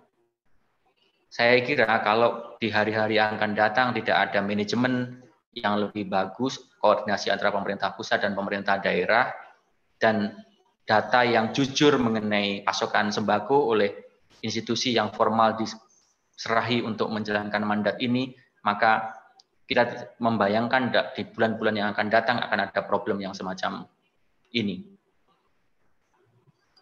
Kapasitas pemerintah makin terbatas. Tadi eh, Mas Wadil menyampaikan tentang teknologi yang mampu mengatasi persoalan-persoalan dan justru menjadi berkah. Tapi ada beberapa hal yang membuat interaksi yang sangat minimal itu juga mengganggu proses pengambilan keputusan maupun pembahasan yang lebih dalam, khususnya di birokrasi. Nah, kapasitas yang tidak utuh semacam ini akan dihadapi lebih-lebih sekian banyak birokrasi sekarang bekerja dari rumah, bahkan mereka sendiri mengalami persoalan dengan keluarganya, ada yang menjadi korban, ada yang uh, masalah terkait dengan pendapatan dan yang lain, sehingga sebagian dari birokrasi itu sumber persoalan itu sendiri. Nah, ekonomi rumah tangga makin kepayahan, terutama untuk golongan menengah ke bawah tadi itu ada sekitar 100 juta sampai 150 juta yang kita tidak akan tahu persis bagaimana kehidupan mereka, daya tahan mereka dalam dua bulan yang akan datang. Ini eh, pasti harus segera ada penghitungan secara cermat. Sektor keuangan, saya berharap peristiwa tahun 98 tidak terjadi, di mana sekarang sektor real yang dihajar terlebih dahulu, namun karena sektor realnya itu macet, maka potensi sektor keuangan ter dampak dari gangguan di sektor real itu sangat mungkin terjadi. Misalnya dari instrumen kredit macetnya dan mereka juga tidak bisa menyalurkan kredit baru padahal itu merupakan bisnis inti mereka. Kalau ini terjadi maka akan ada akumulasi isu yang terkait dengan kriminalitas dan friksi sosial yang pada ujungnya jika ini tidak bisa dikelola dengan baik maka akan muncul benturan politik. Sebagian saya kira letupan-letupan di beberapa daerah di kejadian-kejadian uh, kecil itu membuktikan bahwa potensi itu ada. Nah ini prognosis. Saya menyampaikan ini dengan harapan agar semua pihak memiliki ekspektasi yang sama, cara pandang yang sama, sehingga prognosis semacam ini dicegah semaksimal mungkin agar tidak bisa uh, terjadi tadi. Nah, bagaimana soal ketahanan ekonomi kita sesungguhnya? Saya kira juga gini, saya sejak awal harus menyampaikan bahwa tidak semua data yang kita miliki pemerintah pegang itu menggambarkan keseluruhan kenyataan yang di yang terjadi di lapangan secara real time. Pergeseran itu demikian cepatnya. Sehingga apa yang ada di atas kertas itu tidak mesti diyakini sepenuhnya.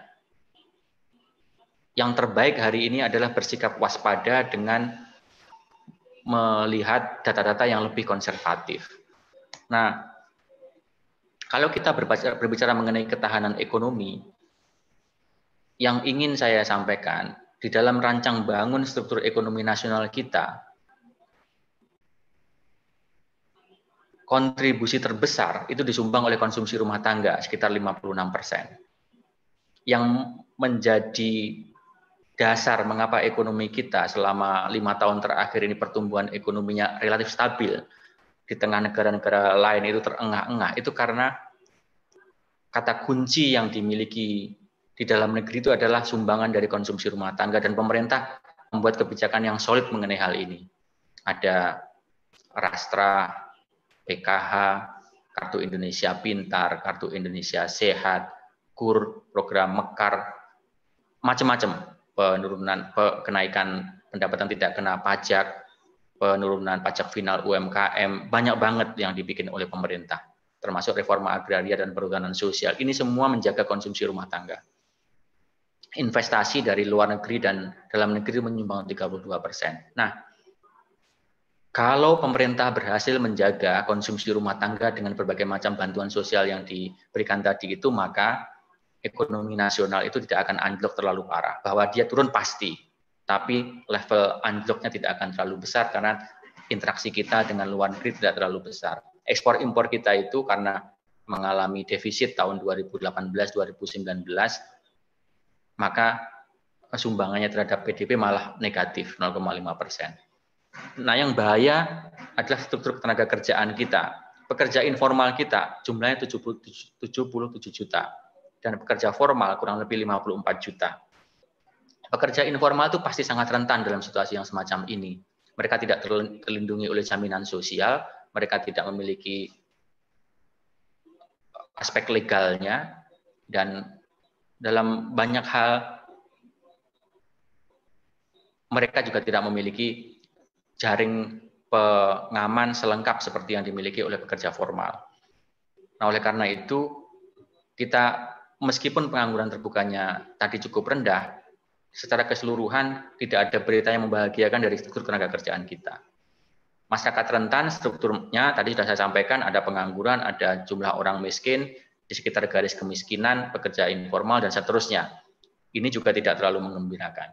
Jadi secara umum untuk terkait dengan ekonomi nasional kita tidak terlalu terganggu dalam pengertian nanti ekonomi akan roboh seperti negara-negara tetangga kita, seperti Malaysia, Thailand, Singapura yang pertumbuhan ekonominya anjlok sangat dalam, Cina juga seperti itu, karena ketergantungan yang tinggi terhadap pasar internasional, tapi kita masih dijaga oleh konsumsi rumah tangga. Tapi dalam soal-soal yang terkait dengan masyarakat rentan, kita ada persoalan. Nah, eh, nanti ini akan saya sampaikan ini aja pada saat dialog mengenai catatan stimulus fiskal kita eh, ini stimulus fiskal kita itu 405 triliun itu dibagi untuk kesehatan 75 triliun, social safety net 110 triliun, pemulihan ekonomi 150 triliun dan untuk dukungan industri UMKM 70,1 triliun ini untuk stimulus fiskal. Catatannya nanti akan kita bahas nanti untuk mempersingkat waktu. Nah, jalur krisis ekonomi itu bagaimana? Saya ingin menjelaskan secara lebih sederhana saja karena ini forumnya kan uh, beragam ya. Jadi untuk menuju kemajuan atau krisis ekonomi, secara umum ada lima jalur ini yang sangat mungkin membuat ekonomi itu nanti menuju ke arah yang stabil atau menuju jurang krisis. Yang pertama itu jalurnya sektor moneter. Yang kedua perbankan, ketiga fiskal kita APBN, kemudian neraca pembayaran, itu isinya nanti neraca transaksi berjalan, kemudian neraca modal dan finansial. Raca transaksi berjalan itu isinya salah satu neraca perdagangan dan yang terakhir adalah sektor real. Tadi yang kita uh, saya, sebutkan ekonomi sektoral, perdagangan, industri, pabrik-pabrik dan seterusnya itu sama tenaga kerjaan. Nah, yang sektor real udah nggak tidak perlu kita diskusikan, udah roboh. 60 persen tadi uh, sudah tidak beroperasi dan dampaknya sudah bisa kita rasakan. Mereka melakukan PHK, kemudian pelaku sektor informal tidak bisa membuka usahanya kembali, mereka tidak memiliki pendapatan dan seterusnya. Udah merah itu sudah merah. Nah, kita relatif masih terselamatkan karena empat sisi yang lain bisa menjadi penyangga stabilitas ekonomi, yakni moneter, perbankan, fiskal, dan raca pembayaran. Moneter itu isinya misalnya nilai tukar, inflasi, cadangan devisa. Perbankan itu kredit macet, non-performing loan, NPL, kemudian modal bank.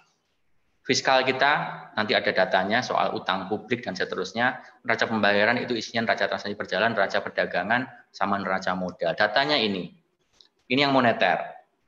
Betul rupiah itu kemarin sempat mengalami pelemahan mendekati angka 17.000, tapi kemudian bisa mengalami kenaikan lagi sampai level 15.200-an hari ini gitu ya. Pertanyaannya mengapa rupiah mengalami penguatan? Salah satunya adalah kita surplus neraca perdagangan. Penyebabnya apa? Bukan karena kita mampu ekspor lebih banyak lagi, tapi harga minyak internasional yang turun. Selama ini yang menjadi salah satu sumber penyebab kita defisit itu adalah impor minyak. Nah, sekarang dengan harga minyak turun, maka nilai impor kita itu menjadi uh, berkurang dan itu yang menyebabkan kita memperoleh uh, neraca perdagangan yang positif dan neraca perdagangan yang positif itu mengakibatkan neraca transaksi berjalan kita, neraca pembayaran kita juga menjadi lebih bagus lagi. Artinya dibutuhkan lebih sedikit dolar dan itu yang menyebabkan mengapa rupiah itu mulai menguat. Nah, tantangannya adalah cadangan devisa kita yang tidak terlalu besar, hanya sekitar 120 miliar US dollar. Itu hanya cukup untuk impor sekitar 6 bulan, 5-6 bulan. Nah, mudah-mudahan kita bisa mengakumulasi tadi dari dari sektor moneter relatif lebih ini inflasi juga itu ada tendensi naik tapi masih dalam koridor yang bisa dikelola oleh pemerintah. Jadi dari sisi moneter dalam jangka pendek aman. Perbankan bagaimana? Data-data di perbankan, kredit macet, kemudian dana pihak ketiga, dan seterusnya. Kemudian eh, modal perbankan itu relatif masih aman pertumbuhan kredit, pertumbuhan dana pihak ketiga memang ada tensi penurunan, tapi belum betul-betul anjlok. Sektor perbankan aman, tapi perlu waspada. Ini untuk menyingkatnya ya eh, situasinya. Nah kemudian bagaimana dengan fiskal kita? Di sektor fiskal yang perlu kita ini adalah tahun ini penerimaan negara diperkirakan akan turun, terutama dari pajak.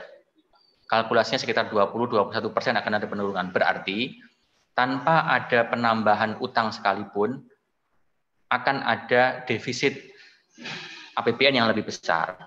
Nah, ditambah dengan pemerintah memberikan stimulus 405 triliun, salah satunya dengan utang, maka defisitnya menjadi lebar. Yang biasanya di bawah 3 persen, hanya sekitar pada kisaran 2 persen, sekarang diperkirakan bisa sampai 5 persen.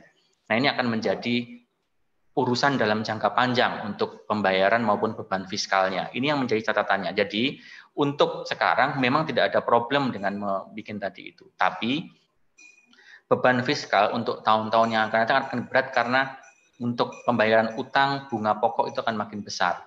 Tahun ini saja ada sekitar 450 kurang lebih triliun rupiah yang dipakai oleh pemerintah untuk membayar cicilan pokok dan bunga utang. Itu separuh dari transfer daerah yang jumlahnya sekitar 880. Sektor realnya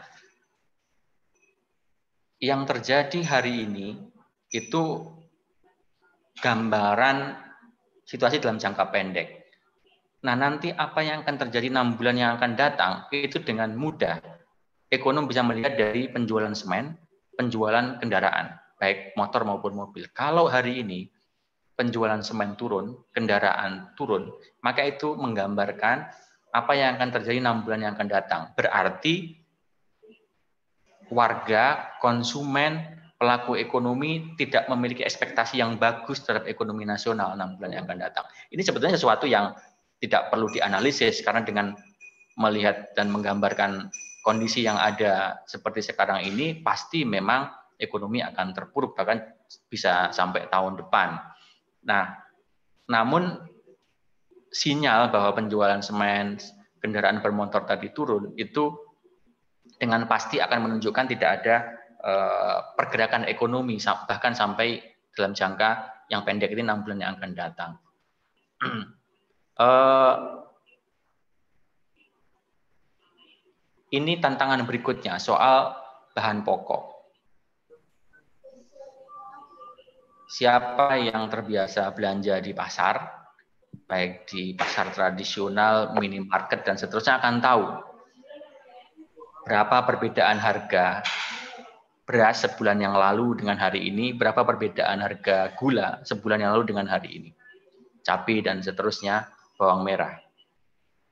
Datanya kurang lebih gula pasir itu salah satu yang naiknya besar, 37 persen. Sekarang mungkin udah pada level sekitar 17.000, 18.000 rupiah per kilogram. Eh, salah satu rekor harga gula pasir, eh, cabai, eh, apa, bawang merah dan seterusnya juga ada kenaikan yang tinggi, cabai rawit harganya fluktuatif dan cenderung ada kenaikan. Kalau dalam jangka pendek saja masih ada fluktuasi harga yang semacam ini, maka kita bisa membayangkan bagaimana eh, kenaikan harga ini jika manajemen stoknya itu tidak bagus. Presiden kemarin sebetulnya ketika mengumumkan secara terbuka dalam rapat terbatas mengenai pasokan bahan pokok yang minus di beberapa provinsi itu sedang menyampaikan kepada halayak ada data-data yang dipasok ke beliau dari otoritas penting yang tidak sepenuhnya itu valid. Jadi data itu disampaikan untuk memicu agar semua pihak, terutama pemerintah pusat dan daerah, segera menangani. Kalau diingatkan sejak awal, datanya nggak begitu bagus ada sekian provinsi yang kebutuhan bahan pokoknya itu defisit. Kalau tidak ada penanganan sejak sekarang itu akan menjadi bom waktu. Angka kemiskinan dan pengangguran, saya sudah menyampaikan beberapa tempat, kita kemungkinan akan mundur 10 tahun ke belakang dalam perkara angka kemiskinan dan pengangguran. Jadi tahun 2010-2011 angka kemiskinan itu pada level sekitar 12,5 persen, angka pengangguran pada level 7,5 persen. Kita akan punya potensi yang besar kembali ke masa itu. Jadi yang sudah kita kerjakan dengan susah payah selama 10, 10 tahun terakhir ini, karena pandemi ini kinerja di dalam penurunan angka kemiskinan dan pengangguran akan setback 10 tahun yang lalu. Nah ini berita yang agak menggembirakan, data-data yang dikomparasikan untuk menunjukkan bagaimana situasi makroekonomi nasional. Isinya itu adalah melihat kekuatan ekonomi negara dari empat variabel. Satu, utang publiknya, public debt negara tadi itu. Jadi keseluruhan utang, terutama yang berasal dari dalam negeri. Yang kedua adalah foreign debt, itu utang luar negeri. Yang ketiga adalah biaya untuk melakukan peminjaman utang dalam bentuk bunga tentu saja. cost of borrowing itu adalah bunga interest rate dan yang terakhir adalah cadangan devisa reserve. Nah, di antara negara-negara tadi itu yang warna paling biru pekat itu sangat kuat dan sebaliknya yang paling merah itu menunjukkan situasi yang lemah untuk masing-masing variabel tadi itu. Kita lihat di sini, Indonesia di antara 66 negara yang dinilai ini ada di peringkat 16. Public debt kita oke, okay. persentase terhadap GDP-nya nggak masalah. Memang cenderung masih uh, cukup rendah di bawah 30 persen. Sebelum kita mengeluarkan bond ya. Kemudian utang luar negeri kita juga aman. Persentasenya terhadap GDP tidak terlalu tinggi biaya untuk meminjam utang juga relatif rendah. Meskipun ada kritik dalam beberapa hal memang untuk terutama global bond yang kita jual hari ini itu bunganya terlalu tinggi. Dan yang terakhir untuk cadangan devisa seperti yang saya sampaikan tadi, Indonesia dalam posisi yang tidak terlalu menggembirakan, agak lemah. Nah, eh, Cina sendiri posisinya ada di nomor 10 yang kita anggap sebagai negara yang paling kuat sebagai patokan gitu ya, itu ada di peringkat nomor 10. Dia bermasalah pada public debt-nya. Di luar yang kita ketahui, Cina itu utang publiknya itu besar sekali. Terutama kepada masyarakatnya. Jepang juga sama, public debt-nya juga uh, besar sekali, sekitar 200 persen kalau saya tidak salah di sini Jepang di mana ya? Uh, sebentar, Jepang Jepang. Jangan-jangan tidak di survei di sini. Nah, Jepang itu saya kira kalau ada di sini itu punya persoalan juga dengan public debt-nya. Cuma yang public debt itu di Cina itu nggak akan terlalu ada persoalan karena relatif tidak mengganggu eh, dinamika ekonomi domestik seperti halnya kalau ada foreign debt karena itu keluar masuk sehingga eh, cadangan devisa nilai tukarnya itu dengan mudah akan bisa mengalami fluktuasi. Nah ini beberapa mitigasi yang bisa kita uh, nanti diskusikan. Ke depan pemerintah itu harus lebih jelas, kuat, dan betul-betul dapat ditegakkan kebijakannya. Kebutuhan pokoknya dijaga karena ini yang akan menjadi penentu stabilitas ekonominya dari sisi inflasinya. Sisi moneter yang paling penting adalah nilai tukar dan inflasi seperti yang saya sampaikan tadi itu kemudian tumpang tindih kepentingan antara pemerintah pusat dengan pemerintah daerah atau bahkan di internal pemerintah daerah sendiri, misalnya provinsi dan kabupaten, ini menjadi isu yang saya kira di beberapa tempat muncul ke pemermukaan. Rangkul jejaring ormas, dan yang terakhirlah hidupkan modal sosial, terutama eh, dengan menggunakan kearifan lokal yang ada di kampung-kampung, di eh, eh, pinggiran-pinggiran kota, dan seterusnya.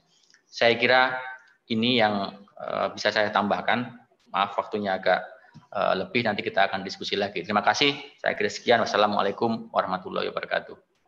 Waalaikumsalam warahmatullahi wabarakatuh. Bapak Ibu, silakan Anda absen dulu di uh, kolom komentar untuk kalau ada pertanyaan dan respon sambil menunggu uh, pertanyaan. Terima kasih Profesor Eran, uh, Ahmad Justika Erani, sangat luar biasa penjelasannya dan justru kemudian menyadarkan saya bahwa ternyata uh, eh, NU itu memiliki peran yang sangat luar biasa terhadap perekonomian bangsa ini, yaitu dalam rumah tangga karena kita banyak mengeluarkan untuk tahlilan, untuk selamatan dan semacamnya. Ini kalau nggak ada selamatan dan tahlilan, kayaknya ekonomi kita akan runtuh ya. Jadi bersyukur sekali sebagai orang NU. Dan untuk Bapak Ibu yang saya hormati, mungkin uh, yang masih punya utang dan semacamnya jangan terlalu khawatir. Ternyata bukan cuma teman-teman kita saja yang uh, nggak bisa bayar, tapi seluruh dunia kayaknya mengalami problem yang sama oleh karena itu kita lawan dengan modal sosial kita yaitu rame-rame nggak bayar. itu juga bisa berbahaya. Tetapi yang patut uh, catatan yang uh, yang yang perlu kita garis bawahi lagi adalah uh, bagaimana kemudian proses-proses mitigasi itu bisa segera kita lakukan. Kalau Prof. Erani tadi sudah membuat ada lima tahapan uh, yang terjadi, maka kemudian tahapan-tahapan uh, berikutnya apa yang bisa dilakukan. Kalaupun seandainya mungkin ada skenario bahwa uh, apa namanya skenario bahwa negara misalnya tidak terlalu mampu, maka bagaimana peran civil society seperti NU dan juga lembaga-lembaga yang lain memainkan peran itu. Oh ya, Profesor Erani, ini ada banyak sekali permintaan, baik privat maupun di publik, bahwa e, minta materi via email nanti, karena tadi e, tidak di apa namanya full screen katanya. ya, baik Bapak Ibu yang saya hormati, silahkan monggo kalau ada respon-respon yang ingin disampaikan, silahkan di unmute dan kemudian e, saya kasih izin untuk bertanya. Silahkan, monggo. Cek. Halo? Halo, cek Cak Gustom. Ya, dari siapa? Mas Farizal? Antoni, Antoni.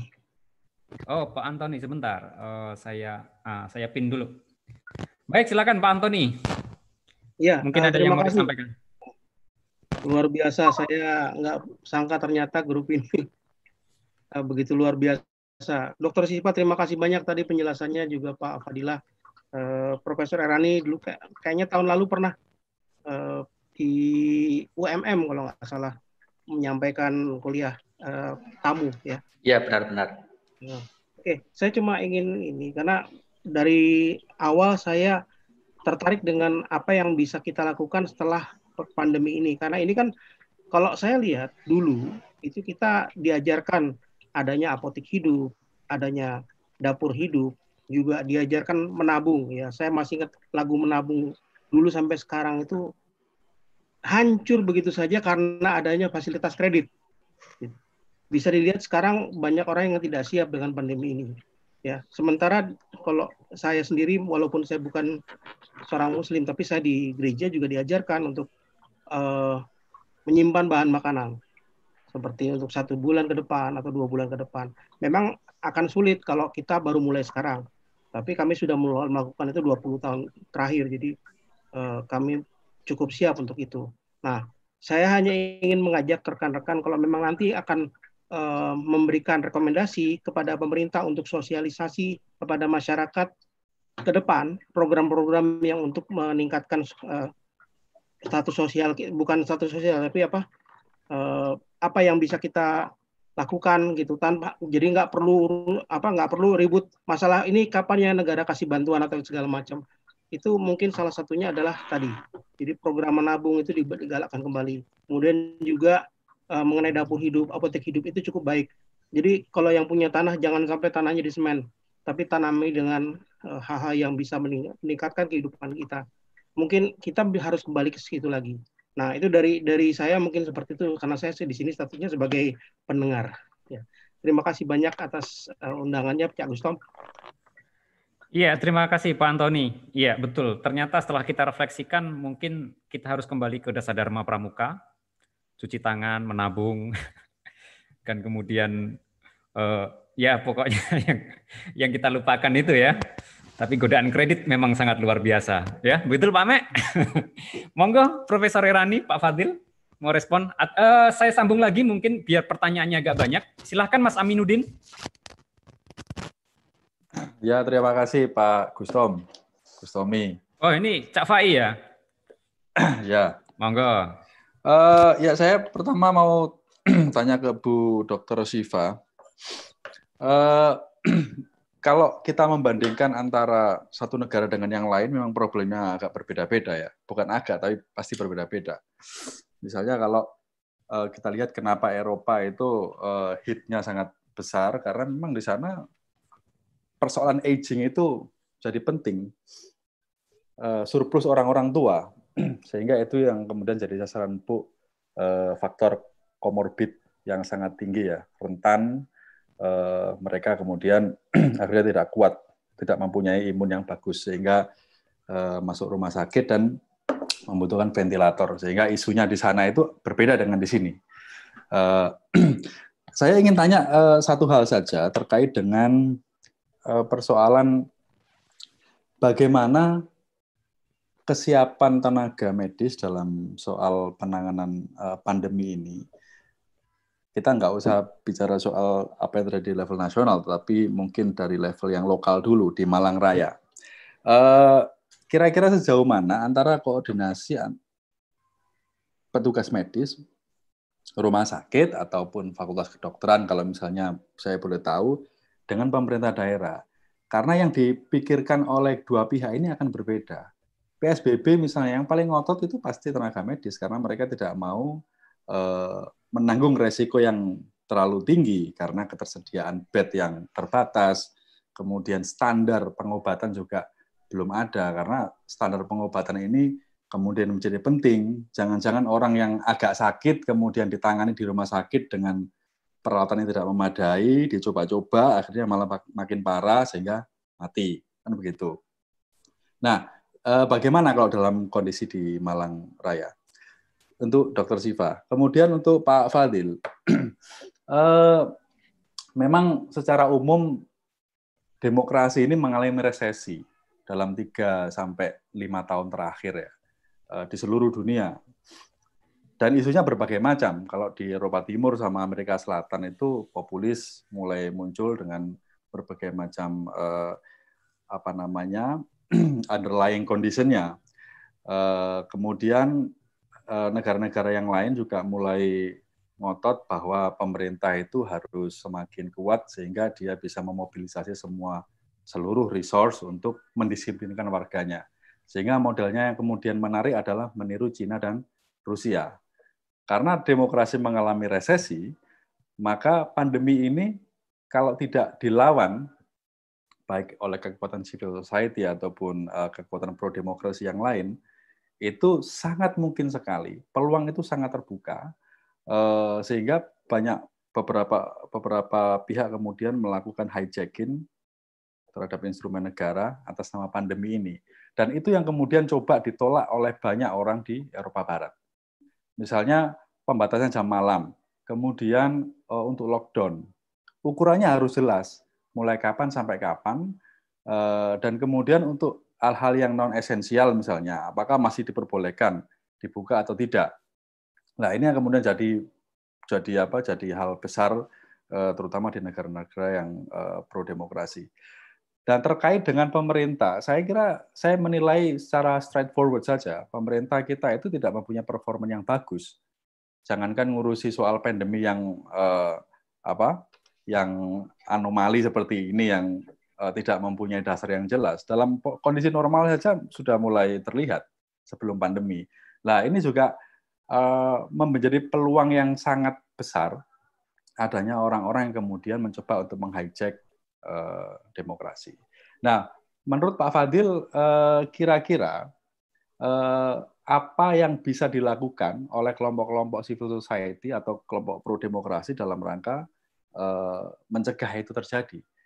Karena selama ini kalau kita tahu protes apa pun tentang omnibus law ataupun eh, RUU KPK revisi kemarin tidak banyak efek yang kemudian bisa dilihat secara signifikan eh, berdampak sehingga pemerintah itu harus kemudian bukan hanya buying time ya, tapi mendengarkan aspirasi besar itu dan membuat kompromi-kompromi tertentu yang itu juga tidak memberikan kesempatan yang lebih besar terhadap kelompok-kelompok pengusaha.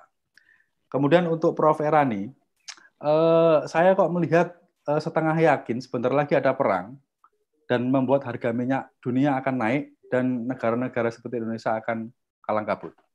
Kenapa? Karena eh, sekarang narasi-narasi besar kalau saya lihat lembaga-lembaga think tank terutama yang berkaitan dengan politik itu sudah mulai menggiring opini menyalahkan Cina.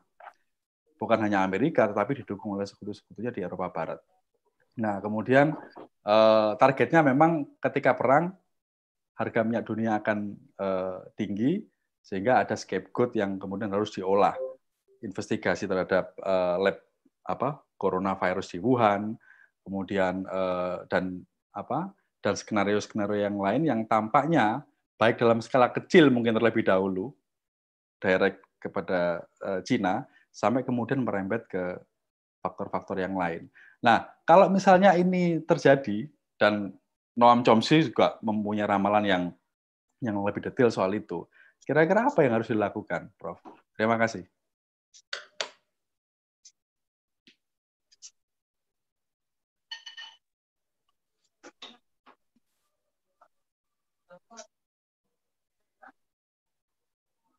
Mana ini moderatornya? Oke. Okay. Pak Tommy masih belum di. Ya, su saya sudah ngomong dari tadi, ternyata masih mute. Ini namanya gagap teknologi. ya ya, terima kasih uh, Profesor Faisal Aminuddin, calon profesor sebentar lagi, kemudian kita doakan. Uh, ada tiga tiga pertanyaan uh, tadi ya, ada tiga pertanyaan kepada tiga uh, pembicara kita. Yang pertama kepada Bu, Bu Siva soal bagaimana koordinasi tenaga medis, uh, terutama di pemerintah daerah. Uh, dari dimensi pertanyaannya itu ada ada ketidakyakinan kepada pemerintah dan kemampuan pemerintah, atau atau bagaimana? Atau coba nanti Bu Siva bisa meyakinkan uh, Pak Faisal. Kemudian kepada Mas Fadil ini yang sangat menarik adalah bagaimana kemudian solusi yang paling solutif Uh, kalau dipikir-pikir memang memang ada benarnya karena negara-negara yang dianggap berhasil menangani uh, corona itu adalah negara-negara yang punya uh, dimensi otoritarian yang cukup kuat.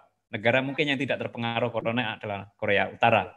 Kekonon katanya langsung ditembak kalau yang sakit. Dan ternyata otoritarianisme menjadi bangkit ya. Bisa jadi karena corona. Jadi jangan-jangan memang betul ini adalah konspirasi dari uh, kelompok-kelompok tertentu gitu kemudian. Uh, Pak Fadil nanti yang akan menjawabnya termasuk juga pembajakan pemerintah dan juga peran civil society. Karena betul Pak Fadil saya juga punya pikiran uh, secara teoritik mungkin uh, dalam kondisi krisis seperti ini yang perlu di cover pertama kali adalah kelompok-kelompok vulnerable tapi untuk membacanya sangat mudah. Mungkin pemerintah akan, kalau seandainya ini terjadi, akan sangat lucu. Pemerintah akan bisa mengatakan eh, yang di cover adalah yang kaya dulu, karena mengcover yang kaya nanti akan eh, akan membantu banyak orang-orang miskin. Bisa jadi. Nah, ini saya pikir akan menjadi catatan yang lebih menarik. Dan pertanyaan yang cukup berat kepada Profesor Erani, kalau perang gimana nih? Dan semacamnya. Monggo, saya mulai ke dari Ibu Siva dulu untuk menjawabnya. Ya, Mas Mas Moderator. Ya, Pak, uh, Pak Faisal, ya. Terima kasih pertanyaannya. Uh, memang benar. Jadi uh, tadi sih kalau tanya tentang kesiapan pemerintah terutama di bidang kesehatan ya, memang benar kita itu tidak siap. Di saat awal, pada saat kasus pertama, Malang itu kan termasuk yang zona merah yang pertama di saat itu rumah sakit uh, Saiful Anwar, kebetulan saya juga di sana sebagai uh, anggota Binere juga, dibayangkan rumah sakit Saiful Anwar itu sudah menjadi rumah sakit untuk rujukan dari provinsi, tetapi kami hanya punya tiga ruang isolasi. Jadi ruang isolasi itu sebetulnya memang yang di requirement uh, untuk pasien untuk uh, COVID ini. Jadi hampir sama penanganannya dengan pasien SARS. Jadi beberapa tahun yang lalu sempat ada SARS ya uh, pada saat itu kami cuma punya tiga, jadi ya uh, pada awal-awal ya memang tidak siap seperti itu. Kalau kemudian uh, semakin berjalan rumah sakitnya ditambah, jadi tidak hanya Saiful Anwar, kemudian ada beberapa rumah sakit lain yang dimasukkan, jadi seperti RST, rumah sakit Supraon itu ya, terus kemudian ada Lavalet dan RKZ kalau tidak salah ditambah. Tetapi sama, masing-masing ruang isolasi, yaitu requirement yang dibutuhkan untuk kita merawat pasien COVID itu juga terbatas, seperti itu. Nah, kemudian semakin lama problem berjalan adalah terkait dengan diagnostik. Tadi yang saya sempat sampaikan di awal, bahwa untuk mendiagnosa COVID itu eh, rapid test itu hanya untuk screening awal, tetap harus dilakukan dengan eh, eh, swab atau hapusan itu, di mana itu harus pada saat itu di awal itu sa Indonesia hanya ada sembilan lab yang diperbolehkan. Dan untuk uh, Jawa Timur sendiri itu dulu hanya satu di Surabaya saja. Dan problem lagi adalah saat itu sudah diperiksa ya pertama transport time untuk ke sana minimal tiga hari. Setelah tiga hari untuk hasil sampai lagi paling cepat seminggu. Itu pun belum boleh kita mengumumkan jadi tetap harus uh, manut dengan artinya menunggu otoritas yang di Jakarta untuk uh, mengumumkan. Karena apa? Itu juga harus di screening juga ya, jadi di recheck lagi uh, di pusat. Seperti itu. Nah, tahapan-tahapan ini memang ya mungkin orang akan melihat kok lamban dan sebagainya. Dan memang itu setuju dengan tadi yang disampaikan memang di awal kita tidak siap. Nah, namun apa yang terjadi uh, untungnya lagi orang Jawa banget gitu ya selalu ada untungnya seperti itu. Jadi uh, kok uh, tampilan yang ada di Indonesia ini seperti saya sampaikan di awal itu tidak sedahsyat seperti di Eropa. Walaupun ya mungkin analisis tadi yang disampaikan bahwa di sana memang sudah uh, apa harapan hidupnya uh, lebih baik, jadi orang tua populasinya lebih banyak. betul juga walaupun sekarang Indonesia kemarin angka harapan hidupnya sih naik gitu. Tapi tetap mungkin ada faktor lain. Contohnya di Italia itu. Jadi Italia itu kalau dilihat ternyata di sana itu jumlah rumah sakitnya sedikit. Jadi nggak kayak mungkin ya di Malang lah. Satu Malangnya rumah sakitnya oke. Sementara di sana menganut distrik. Satu distrik hanya satu rumah sakit. Sehingga saat ada kondisi seperti ini, itulah yang dilihat kemarin bahwa kewalahan. Jadi nggak bisa rumah sakitnya full overload seperti itu. Nah itu yang terjadi. Nah kembali lagi ke Malang dengan tren yang semakin menaik, eh, rumah sakitnya ditambah. Kemudian untuk alat tesnya juga ditambah. Nah, yang terbaru ini adalah ada rumah sakit UB yang difokuskan untuk pemeriksaan lab. Jadi harapannya sekarang ini untuk tesnya, jadi kita bisa menggunakan eh, alat PCR yang menggunakan cartridge, sehingga tinggal yang penting ada cartridge-nya, eh, swab itu bisa diperiksakan di sana dan hasilnya bisa dalam hitungan jam. Itu untuk muncul akan direncanakan penambahan jumlah rumah sakit yang bisa memeriksa itu dan terkait untuk pemeriksaannya atau uh, orang apa ya yang untuk merawat inap rumah sakit uh, daerah sekarang difungsikan. Jadi rumah sakit daerah RSUD kota itu sudah dibangun, sudah dikucurkan dana itu sama pemerintah untuk didesain menjadi rumah sakit khusus rujukan COVID. Tetapi lagi-lagi eh, masih punya keterbatasan karena persyaratannya untuk ruang isolasi harus dilengkapi dengan ventilator. Karena targetnya seperti saya sampaikan bahwa mestinya yang dirawat di rumah sakit itu adalah PDP sedang berat yang artinya membutuhkan penanganan lanjutan. Dan untuk itu ruang isolasi dan plus eh, ventilator itu menjadi eh, kebutuhan. Nah, kemudian juga selain ada rumah sakit khusus COVID, terus eh, diperluas lagi jaringannya dengan beberapa rumah sakit, terutama bekerjasama dengan Arsino. Jadi di Malang ini RSI Unisma itu juga sudah dilibatkan. Mungkin ke depan RSI Aisyah juga dilibatkan. Artinya untuk menerima pasien-pasien PDP, tapi mungkin range-nya bukan PDP sedang berat, tapi PDP mungkin uh, eh, PDP ringan seperti itu. Dan juga Saiful Anwar sekarang sudah menambah kapasitas ruang isolasinya. Jadi ICU-nya sudah bertambah, artinya ruang isolasi yang ada ventilator itu bisa sampai eh, uh, 10 atau saya lupa 15 mungkin, tetapi bangsanya juga sudah ditambah. Jadi ada satu ruangan yang memang ditutup khusus untuk merawat pasien COVID. Jadi mungkin yang mulai ODP atau PDP ringan yang membutuhkan perawatan bisa me, uh, bisa merawat hingga mungkin kurang lebih 140-an seperti itu. Jadi itu gambarannya yang terjadi sekarang. Tetapi yang ingin saya tekankan bahwa harusnya eh, mudah-mudahan tidak sampai terjadi kalau angka ini terus melonjak dan eh, kita tinggal melihat range-nya harapannya mudah-mudahan tidak sampai yang ke arah sedang berat. Yang harus diberdayakan adalah eh, isolasi mandiri seperti itu. Jadi ya kita membiarkan bukan membiarkan ya kita mengarahkan, kita mengedukasi orang-orang yang mungkin ODP ya Eh, atau mungkin OTG tetapi uh, swabnya positif atau PDP ringan untuk dirawat di rumah seperti itu. Dirawat di rumah tetapi harus dengan pemantauan. Pemantauannya yang menjadi kendala sekarang ini realitas. Saya merawat beberapa PDP ringan di rumah karena mereka merasa lebih stres saat itu di rumah sakit. Nah, pemantauan ini harusnya bersinergi dengan dinas kesehatan karena begitu kita bilang PDP seperti saya sampaikan dia harus di swab seperti itu. Nah, koordinasi dengan Dinas Kesehatan ini kemarin koordinasinya jalan, tetapi problem lagi VTM-nya nggak punya. VTM itu alat untuk transport pemeriksaan, itu juga tidak tersedia. Kadang terbatas, mungkin kadang kosong dikatakan seperti itu. Kemudian kembali lagi tadi saya, sampai, saya sampaikan, lab-labnya untuk pemeriksaan itu juga eh, di, apa terbatas seperti itu. Malang saja kita harus ngirim ke Surabaya. Mungkin pertengahan Mei ini eh, sudah mulai bisa running di beberapa rumah sakit. Nah, itu realitanya, Pak, yang e, terjadi saat ini.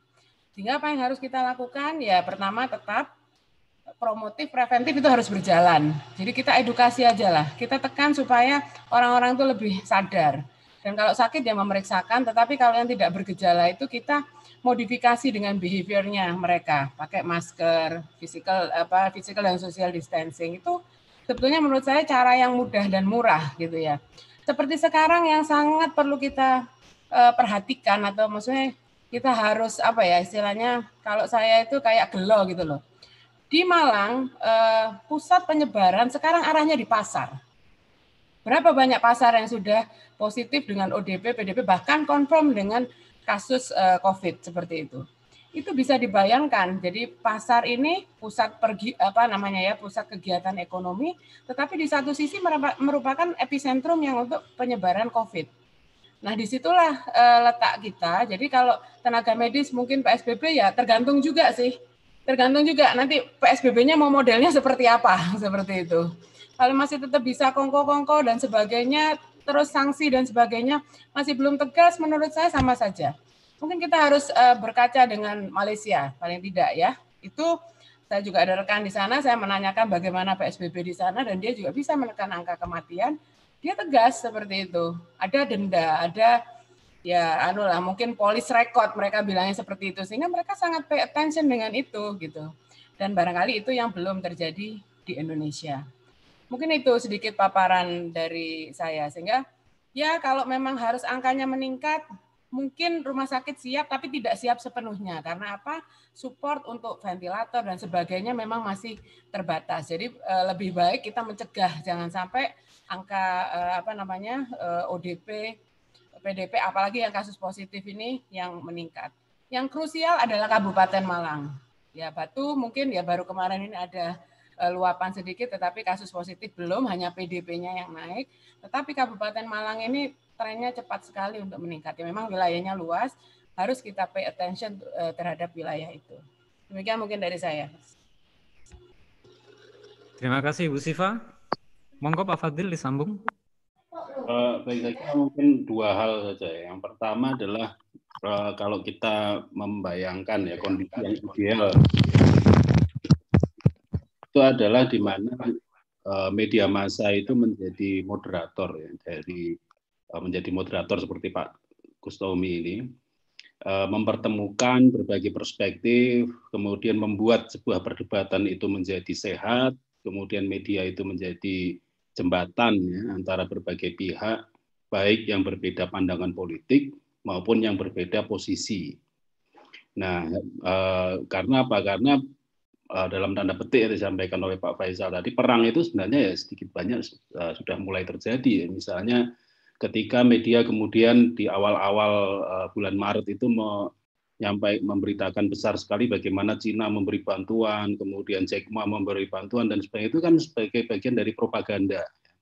Propaganda atas tuduhan bahwa segala persoalan ini terjadi karena di, dari Cina, begitu, terutama yang muncul dari Amerika Serikat. Nah, kemudian dia membalas uh, itu dengan apa namanya dengan apa menggulirkan isu tentang wah kita sudah punya pengalaman menangani, kita punya tenaga medis yang berpengalaman, kita siap membantu dunia dan sebagainya itu sebenarnya adalah bagian dari propaganda. Nah, uh, dari itu saya melihat bahwa media alih-alih kemudian menjadi moderator, menjadi penyeimbang, menjadi apa namanya mediasi berbagai macam, kemudian malah justru menjadi bagian dari peperangan itu sendiri. Nah, ini saya kira persoalan yang uh, apa namanya jangka menengah dan jangka panjang. Dan kita bisa mengevaluasi bagaimana sebenarnya peran media hari ini. Ini yang mungkin uh, perlu ada diskusi khusus ya untuk melihat uh, posisi dari media di tengah uh, apa namanya resesi COVID-19 ini. Karena uh, peran mereka ini yang menyebarluaskan berbagai macam pemahaman dan sebagainya ini cukup cukup uh, penting termasuk tadi misalkan disampaikan apa yang disampaikan oleh Dr. Siva disampaikan oleh Prof. Eran itu tidak banyak kita lihat Eh, di media penjelasan yang cukup tuntas menjelaskan dan menjernihkan persoalan ini. Apalagi media, media sosial itu seperti dan belantara. Nah, yang kedua adalah uh, saya kira uh, inisiatif-inisiatif uh, dari apa namanya basis-basis masyarakat sipil ini yang saya kira sekarang harus sudah mulai kita lakukan bersama ya secara eksplisit saya bisa mengatakan bahwa apa yang dilakukan oleh Dr. Siva dan kawan-kawan di Satgas uh, COVID-NU ini harus menjadi sebuah gerakan yang luas gitu. Jadi tidak tidak sebatas hanya pada apa namanya kelompok-kelompok yang mungkin selama ini sudah uh, fokus pada persoalan ini tapi juga bisa diperluas pada segmen-segmen uh, masyarakat yang lain. Dan saya kira ini menjadi agenda bersama dan harus kita dukung secara luas ya. Dan apa namanya jejaring koordinasi dan komunikasi juga harus dimulai dibuka ya, sehingga kemudian kita bisa menunjukkan bahwa sebenarnya persoalan kalau kita mengacu kepada prinsip-prinsip pemberdayaan ya seperti sustainable dan sebagainya berbasis aset bahwa masalah itu sebenarnya solusinya itu ada di dalam diri kita sendiri. Masalah yang ada di masyarakat itu solusinya bisa kita temukan dalam diri kita sendiri. Sehingga inisiatif-inisiatif itu saya kira yang perlu kita Eh, kita dorong dan itu menjadi sebuah gerakan bersama tidak tidak parsial atau sendiri-sendiri. Saya kira itu pak.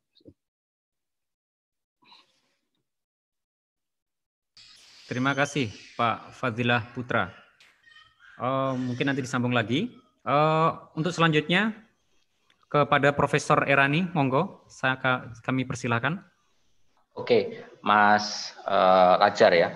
Jadi saya kira paparan tadi itu kalau kita mau bahas secara lebih dalam, sebetulnya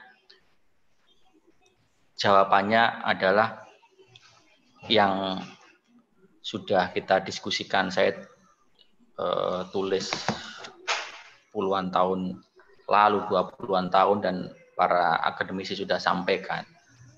Uh, cara kita di dalam menggali dan mengeksekusi pembangunan yang sekurangnya tidak bertumpu pada tiga kaki yakni ekologi, sosial dan ekonomi itu yang menjadi sumber dari sekian banyak problem-problem yang muncul dalam abad modernisasi ini. Jadi kalau mau ditarik lebih serius lagi, lebih dalam lagi akarnya itu dari sana. Makanya kemudian orientasi ekonomi yang sempit dan itu terlalu berlebihan. Kerap kali ketika kebijakan itu mau diambil, maka argumen-argumen di luar kepentingan pertumbuhan ekonomi, kenaikan investasi, pendapatan per kapita, itu harus menyingkir. Makanya kemudian muncul kebijakan untuk melakukan homogenisasi komoditas pertanian, membangun industri yang tidak ramah lingkungan, memunculkan aktivitas ekonomi yang sekaligus menumbuhkan ketimpangan atau kepincangan, itu semua yang terjadi sebetulnya. Sehingga bangsa secara keseluruhan dan warga negara kehilangan daya untuk bisa mencukupi kehidupan material sehari-hari dari kearifan lokal yang sudah dijalankan selama ratusan bahkan ribuan tahun sebelumnya.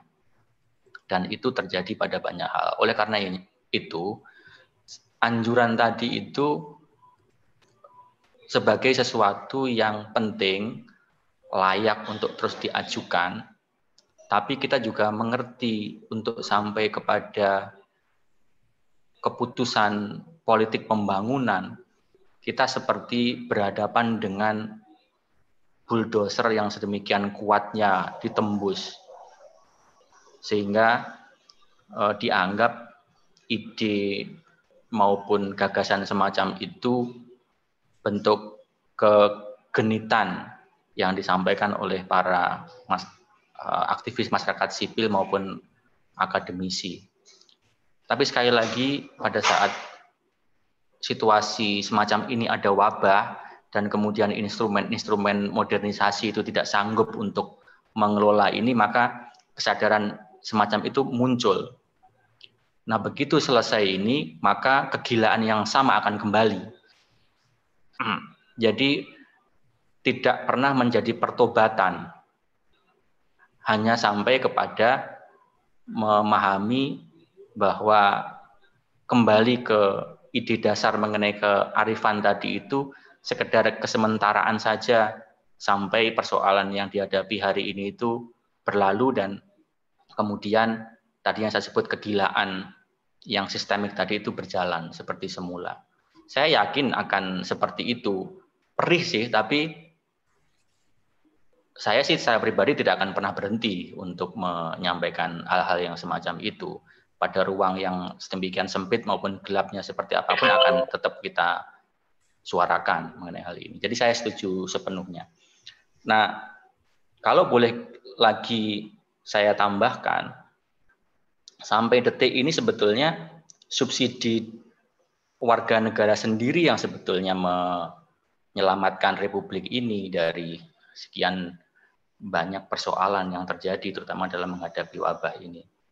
Bantuan yang diberikan oleh negara itu kan baru hari-hari terakhir ini muncul dan itu pun belum sampai pada uh, tangan masyarakat secara langsung untuk semuanya. Sementara subsidi yang diberikan oleh masyarakat dari berbagai macam inisiasi yang dilakukan oleh ormas, oleh individu, oleh uh, para inisiator institusi-institusi tertentu itu sudah bekerja sejak hari pertama, minggu pertama, minggu kedua uh, krisis ini terjadi.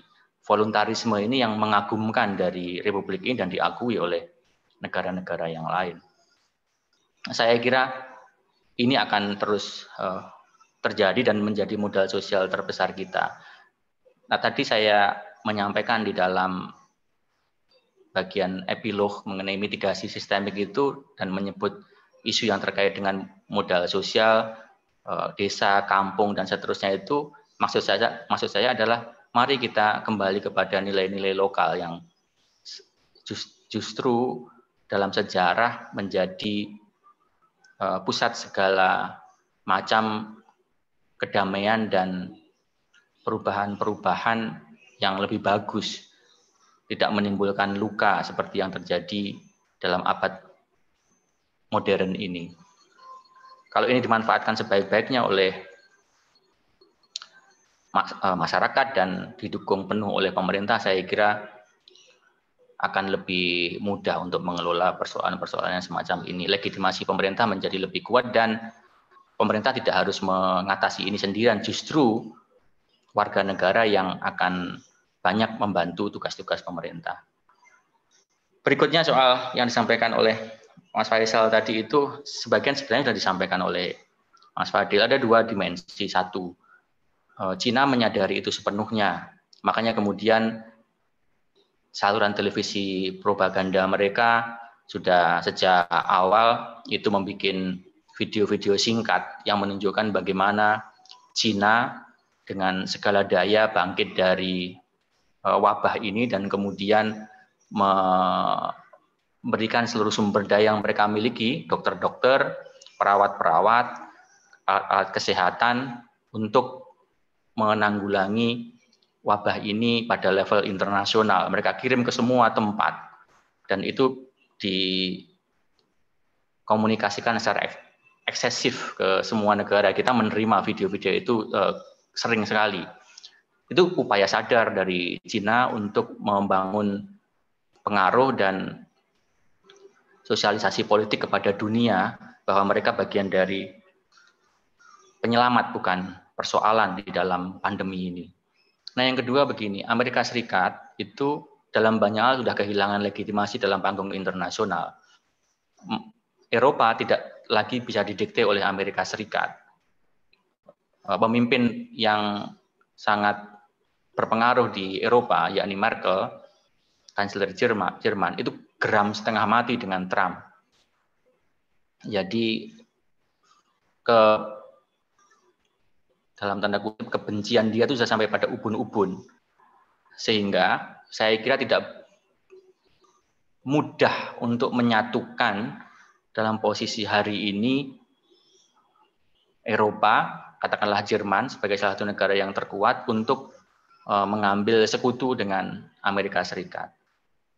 Nah, Cina di sisi lain melakukan banyak sekali uh, kongsi dengan negara-negara yang strategis bukan hanya kepentingan untuk memperkuat ekonomi maupun politiknya, tetapi juga membangun panggung relasi untuk kepentingan-kepentingan yang semacam ini.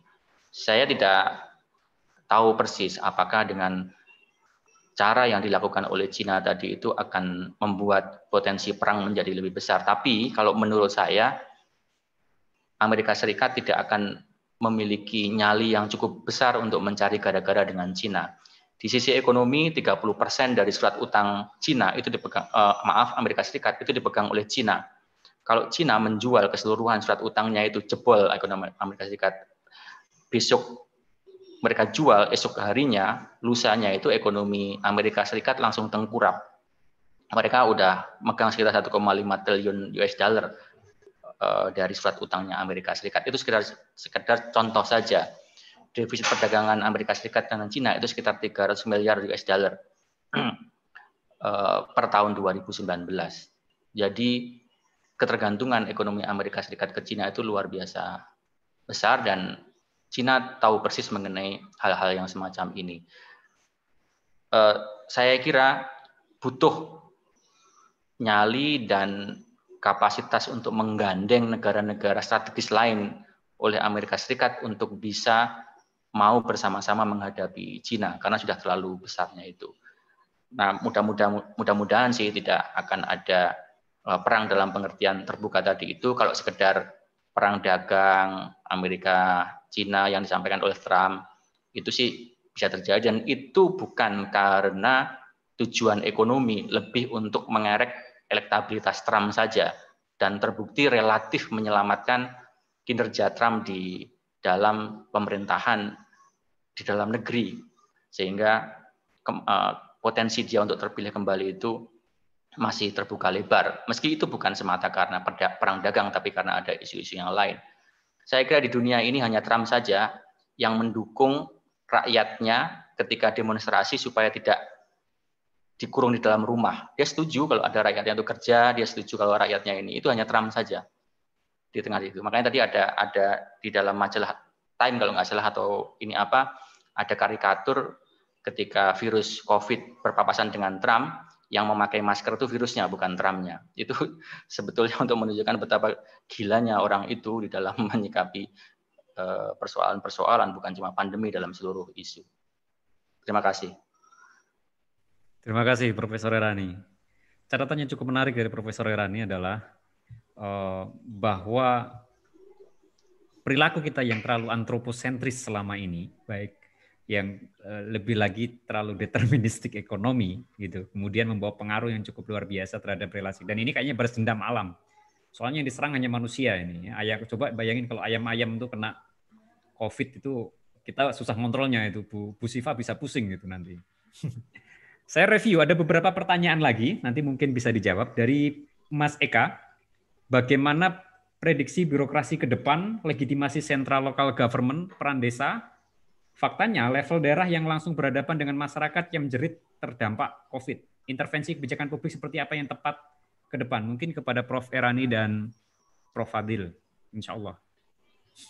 Kemudian dari Mas Arief, uh, kalau melihat dari data wilayah yang sudah PSBB, sepertinya menunjukkan tren yang mengembirakan dalam hal turunnya pasien positif, naiknya kesembuhan, dan turunnya angka kematian. Apakah mungkin PSBB dilakukan masif di seluruh wilayah Indonesia, seperti pengalaman Taiwan yang semua terkoordinir dan terpusat sehingga lebih mudah mengontrol pandemik. Ini nanti mungkin Bu Siva bisa menjawab pertanyaan ini.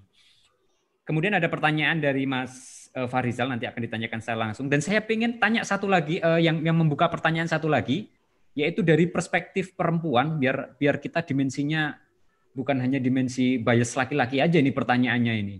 Pertanyaan dari bapak-bapak biar ada ibu-ibu yang mempertanyakan. Silakan, siapa?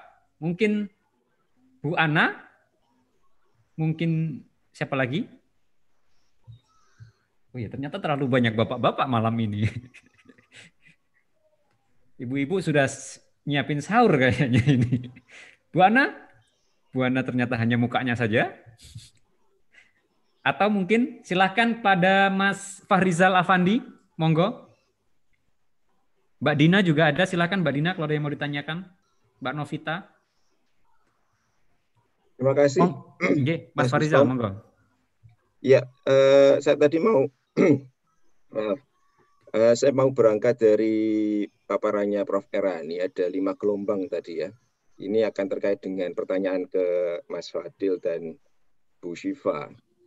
Kalau kita lihat kan kalau perdebatan publik itu kan ke ketidakpercayaan kepada pemerintah itu kan karena dua hal. Ada publik mencurigai uh, pemerintah lebih menekankan aspek menyelamatkan ekonomi daripada menyelamatkan kesehatan. Debat ini juga panas di teman-teman hukum ya. Kenapa memilih PSBB bukan karantina wilayah? Kemudian apa ada kewajiban pemerintah di Undang-Undang Darurat Kesehatan itu untuk menjamin ekonomi warga itu kan tidak dilakukan karena memang pilihannya bukan melakukan karantina wilayah tapi melakukan PSBB. Lockdown uh, gratis begitu ya. Meminta masyarakat tinggal di rumah tapi tidak mau membayar kewajiban negara sebagaimana di di apa di dilakukan uh, diamanatkan di Undang-Undang Darurat Kesehatan. Ini debat yang sangat ramai di teman-teman hukum. Nah, yang mau saya tanyakan ini kan ada lima gelombang tadi ya, dan sekarang kita berusaha agar tidak ke apa prediksi Prof. Erani tadi gelombang kelima. Ini ini terkait juga dengan paparannya Mas Fadil tadi soal pembajak-pembajak itu ya. Itu ada 405 triliun. Kemudian eh, sekarang lagi rame soal prakerja itu loh, yang ke startup startup yang sampai 5,6 triliun. Belum lagi ada pembahasan undang-undang cipta kerja omnibus law yang sampai hari ini belum berhenti. Apakah langkah-langkah ini memang dimaksudkan untuk linier dengan dengan dengan dengan dengan pe, pencegahan untuk itu ya apa eh, gelombang kelima tadi, Prof. Karena kita kan meraba-raba ini.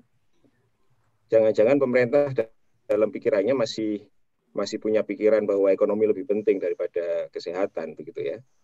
Dan apakah benar itu cipta kerja sebagaimana yang digembar-gemburkan pemerintah itu akan bisa mengatasi wabah ini? Karena kan tadi ada diagramnya menarik juga itu, mulai dari sektor real, kemudian uh, fiskal dan lain sebagainya itu ada di mana itu. Kemudian uh, kaitannya dengan Mas Fadil tadi kan sempat me, apa ya berharap pada media ya. Ini ada fenomena buzzer RP ini juga susah ya. Jadi apa pun kebijakan pemerintah di diamplifikasi oleh buzzer-buzzernya dengan sangat masif. Dan akibatnya ini juga mau ini terkait dengan uh, usaha yang dilakukan Dokter Shiva, saya takut karena narasi-narasi di gelombang pertama yang Prof. Erani bilang tadi kan membagi menjadi lima gelombang ya. Gelombang pertama yang terkesan meremehkan itu juga menjadi pemahaman masyarakat luas bahwa virus ini tidak berbahaya. Dan kemudian ketika menjadi apa uh, perhatian serius, malah yang terjadi sekarang banyak stigmatisasi terhadap penderita COVID. Ada banyak kejadian perawat yang ditolak, kemudian jenazah yang tidak boleh dimakamkan. Nah ini saya mau tanyakan bagaimana Satgas NU di Malang Raya ini juga menyasar isu itu. Karena kan kalau kita apa fokus pada jaringan sosial di masyarakat, eh, wabah ini juga ternyata juga membuat kepercayaan kita di antar masyarakat juga eh, menjadi kacau uh, peran civil society di sini sangat penting menurut saya ya. Dan saya ingin tahu bagaimana di kasus di Malang Raya terkait itu dan apa yang sudah eh, teman-teman uh, lakukan. Mungkin itu, Cak Gustom. Terima kasih. Ya. Terima kasih. Uh, uh,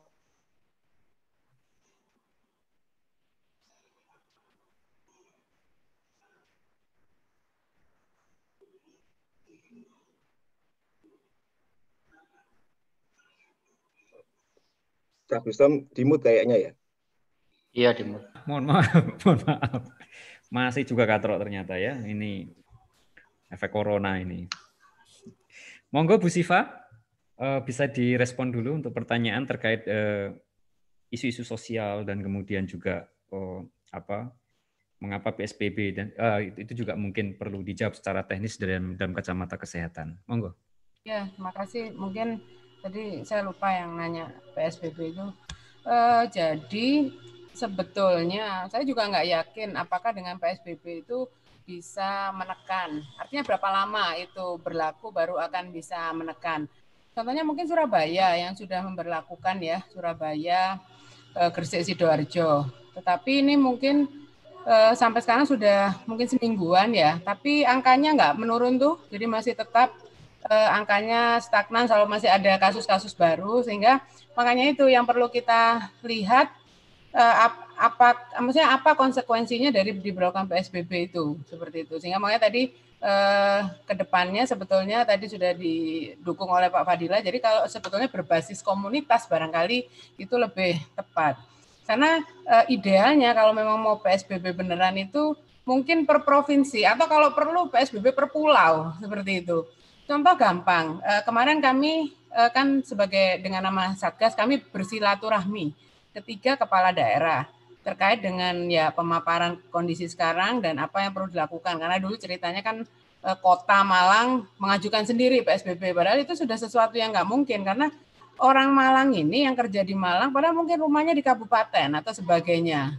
Kemudian ada juga yang di Batu. Nah, sehingga kemarin kita usulkan ya kalau memang mau ada pembatasan ya Malang Raya.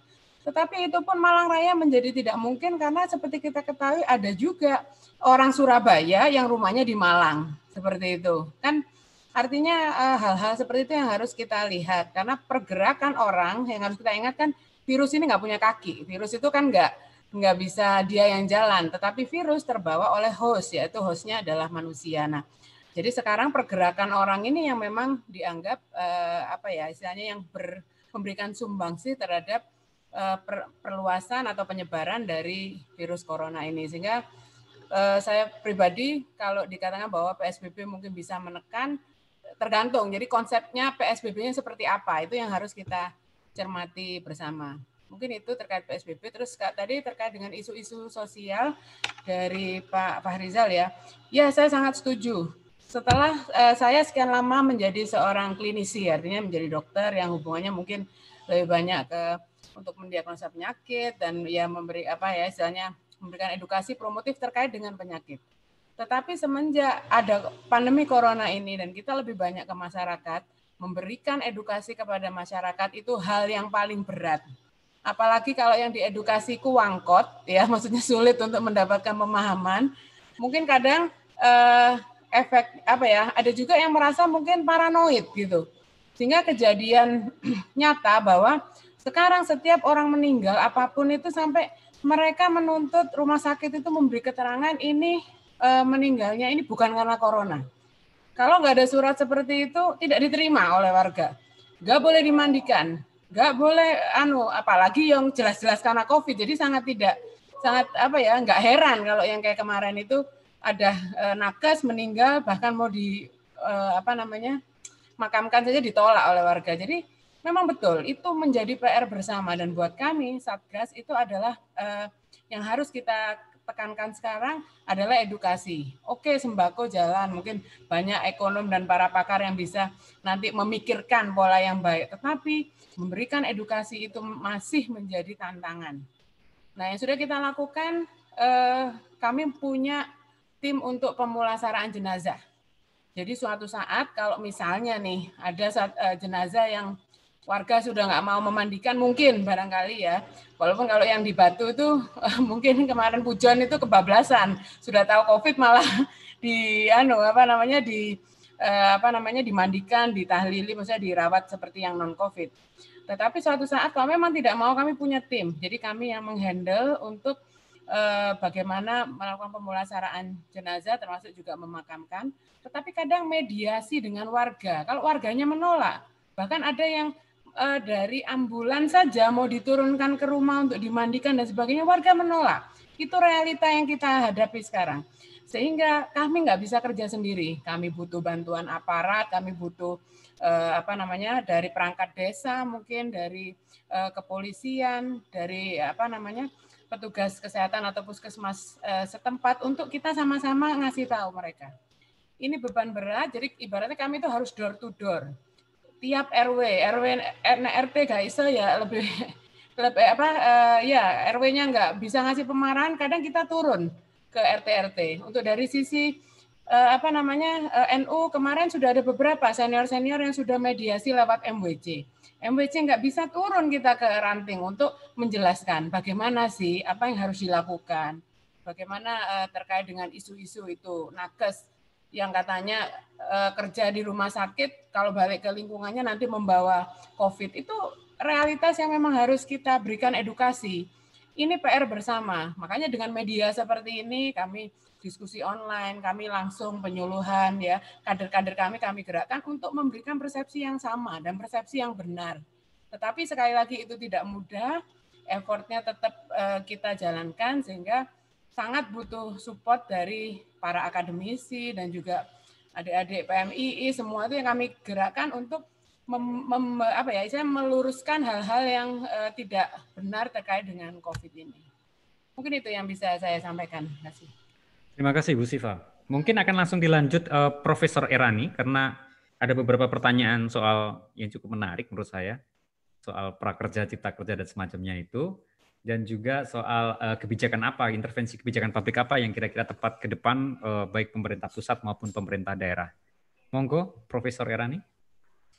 Iya, saya eh, dengan bahasa yang tidak terlalu menyengat itu sudah mengingatkan agar untuk misalnya RUU Cipta Kerja itu ditarik terlebih dahulu, jangan dibahas sampai tadi malam pun jam sampai jam setengah 12 saya uh, bertemu langsung dengan otoritas terkait dengan bidang ekonomi ini untuk membantu agar tidak dibahas terlebih dahulu lah uh, eh, RUU Cipta Kerja ini.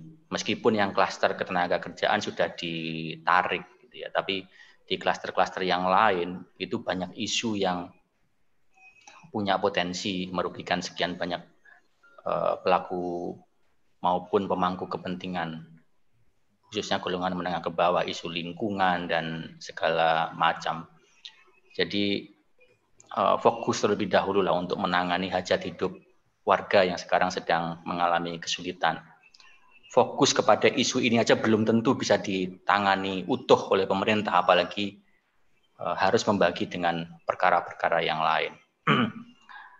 nah, untuk prakerja saya juga menulis di Eh, di Kompas sebulan yang lalu sebelum ramai soal pelaksanaannya hari ini dan juga di media sosial beberapa waktu yang lalu agar itu ditunda sebulan yang lalu sudah saya tulis di publik itu jangan itu nggak bisa dilaksanakan hari ini sesuai dengan konsep yang didesain sejak awal.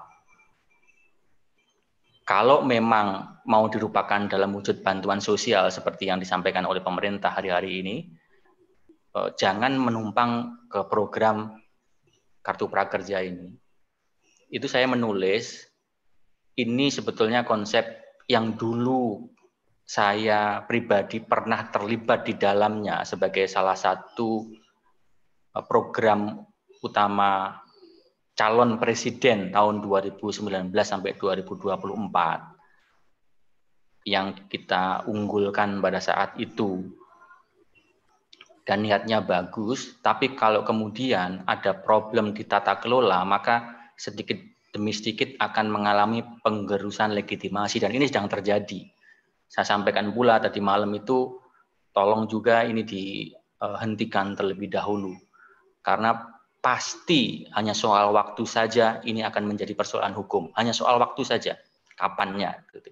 Nyaris hampir pasti kalau diteruskan ini akan menjadi problem hukum ada aspek pidana di uh, ataupun perdata di balik uh, program ini jika dijalankan dengan tata kelola yang seperti sekarang.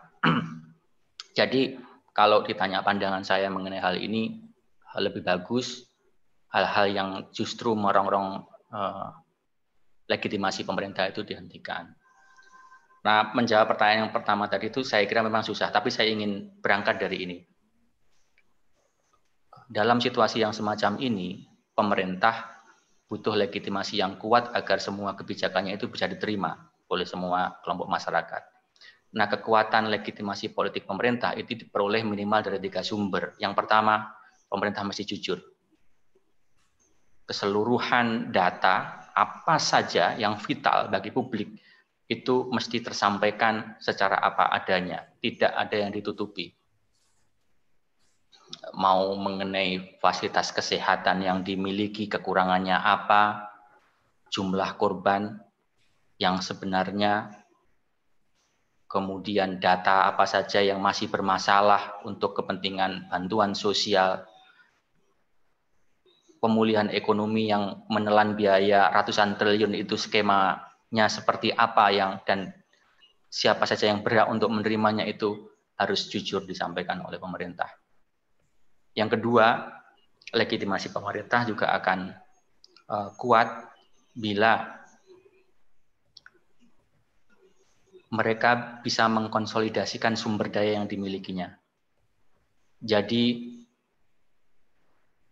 ada sumber daya politik, ada sumber daya anggaran, ada sumber daya hukum, dan masih banyak lagi yang itu harus dipastikan eh, terkelola dengan baik oleh pemerintah.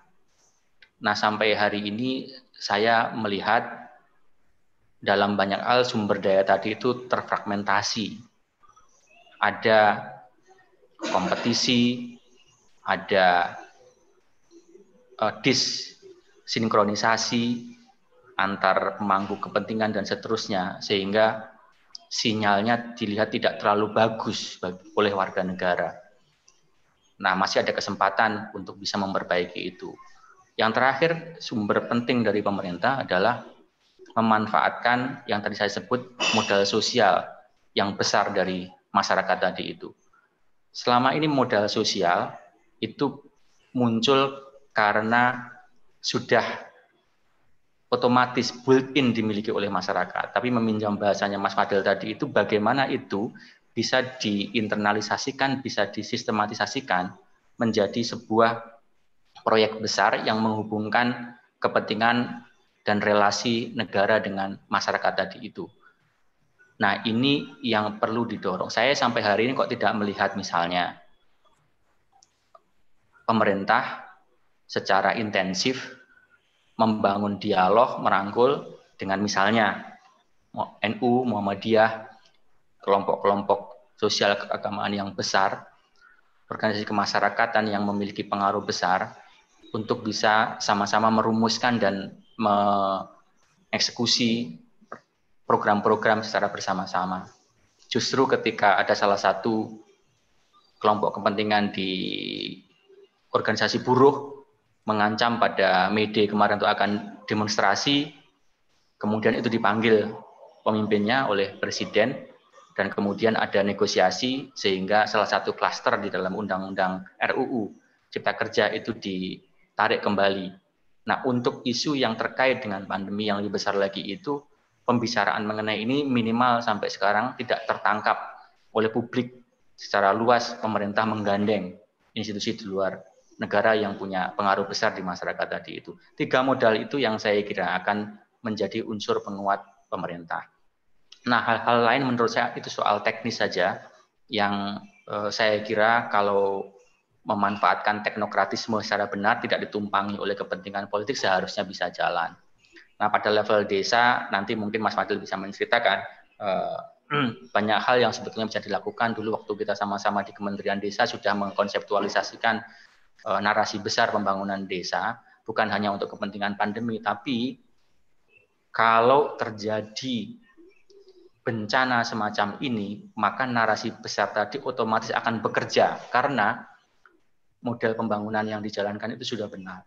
Tapi kalau kemudian cara yang digunakan untuk membangun kemajuan pembangunan dengan model yang sempit semacam ini, maka kekuatan dan inisiatif warga yang sebetulnya sangat otentik tadi itu menjadi tergerus dan tidak bisa hidup lagi ketika persoalan muncul. Itu saya kira yang bisa saya tambahkan untuk membahas tadi itu. Oh iya Prof, sebelumnya masih ada satu pertanyaan dari Mbak Dina Dwi, mungkin Prof. Erani bisa menjawab. Okay. Bagaimana skema ekonomi untuk masyarakat menengah yang tidak miskin tapi gagal kaya, yang menurut saya justru jarang diperhatikan. Ini kelas-kelas menengah ini gimana nih nasibnya, Prof?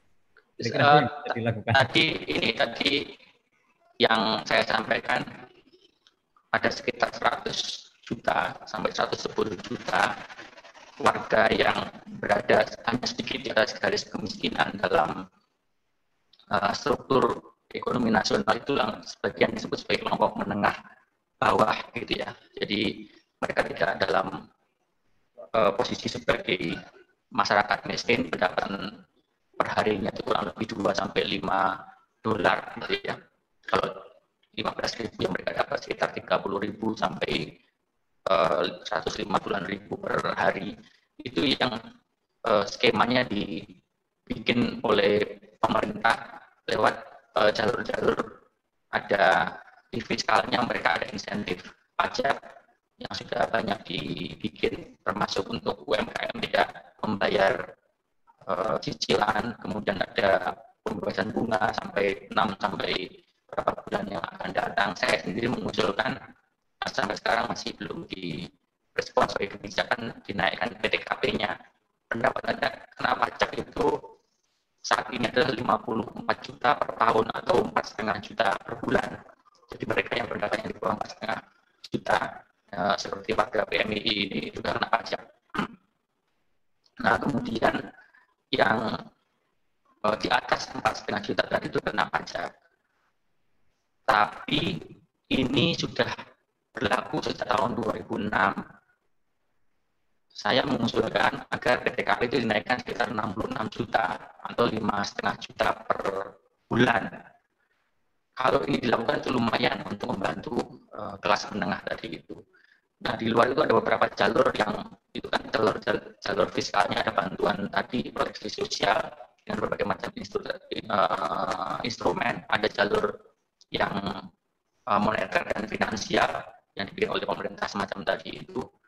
Uh, di yang terakhir saya kira ada jalur yang belum banyak disentuh oleh pemerintah itu hmm, saya susah menyebutnya, tetapi nantinya harus ada upaya untuk memastikan agar ketika taruhlah misalnya pada bulan Agustus kegiatan uh, ekonomi sudah mulai bisa dijalankan, maka bantuan permodalan itu bisa diberikan kepada kelompok-kelompok tersebut, terutama yang memiliki usaha di sektor informal maupun usaha mikro yang punya dampak paling besar uh, tadi malam salah satu yang saya usulkan adalah uh, di dalam Perpu nomor 1 2020 itu bias untuk kepentingan korporasi besar dan menurut saya ada potensi itu disalahgunakan, ada penyimpangan besar.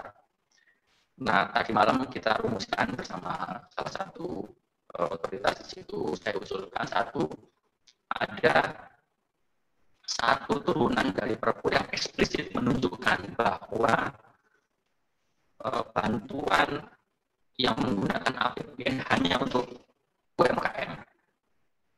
Hanya untuk UMKM. Yang kedua, kalau ada persoalan pada usaha besar, maka yang dibantu harus memenuhi kualifikasi dengan kriteria yang sangat ketat. Misalnya satu harus PMBN, orang dalam negeri. Yang kedua, tenaga kerja itu jumlahnya besar sekali di atas 10 ribu dan maksudnya 10 ribu itu mereka yang hanya mendapatkan UMR daripada tenaga kerja yang upahnya itu di bawah upah minimum itu yang dibantu pemerintah tapi bukan dari APBN nanti akan dibantu oleh pemerintah dengan skema bisnis to bisnis dengan dunia usaha dengan dunia perbankan sektor perbankan. Jadi harus ada aturan-aturan yang sangat ketat supaya tidak terjadi persoalan-persoalan lagi-lagi hukum dimanfaatkan untuk kepentingan diserobot oleh kepentingan pemodal besar.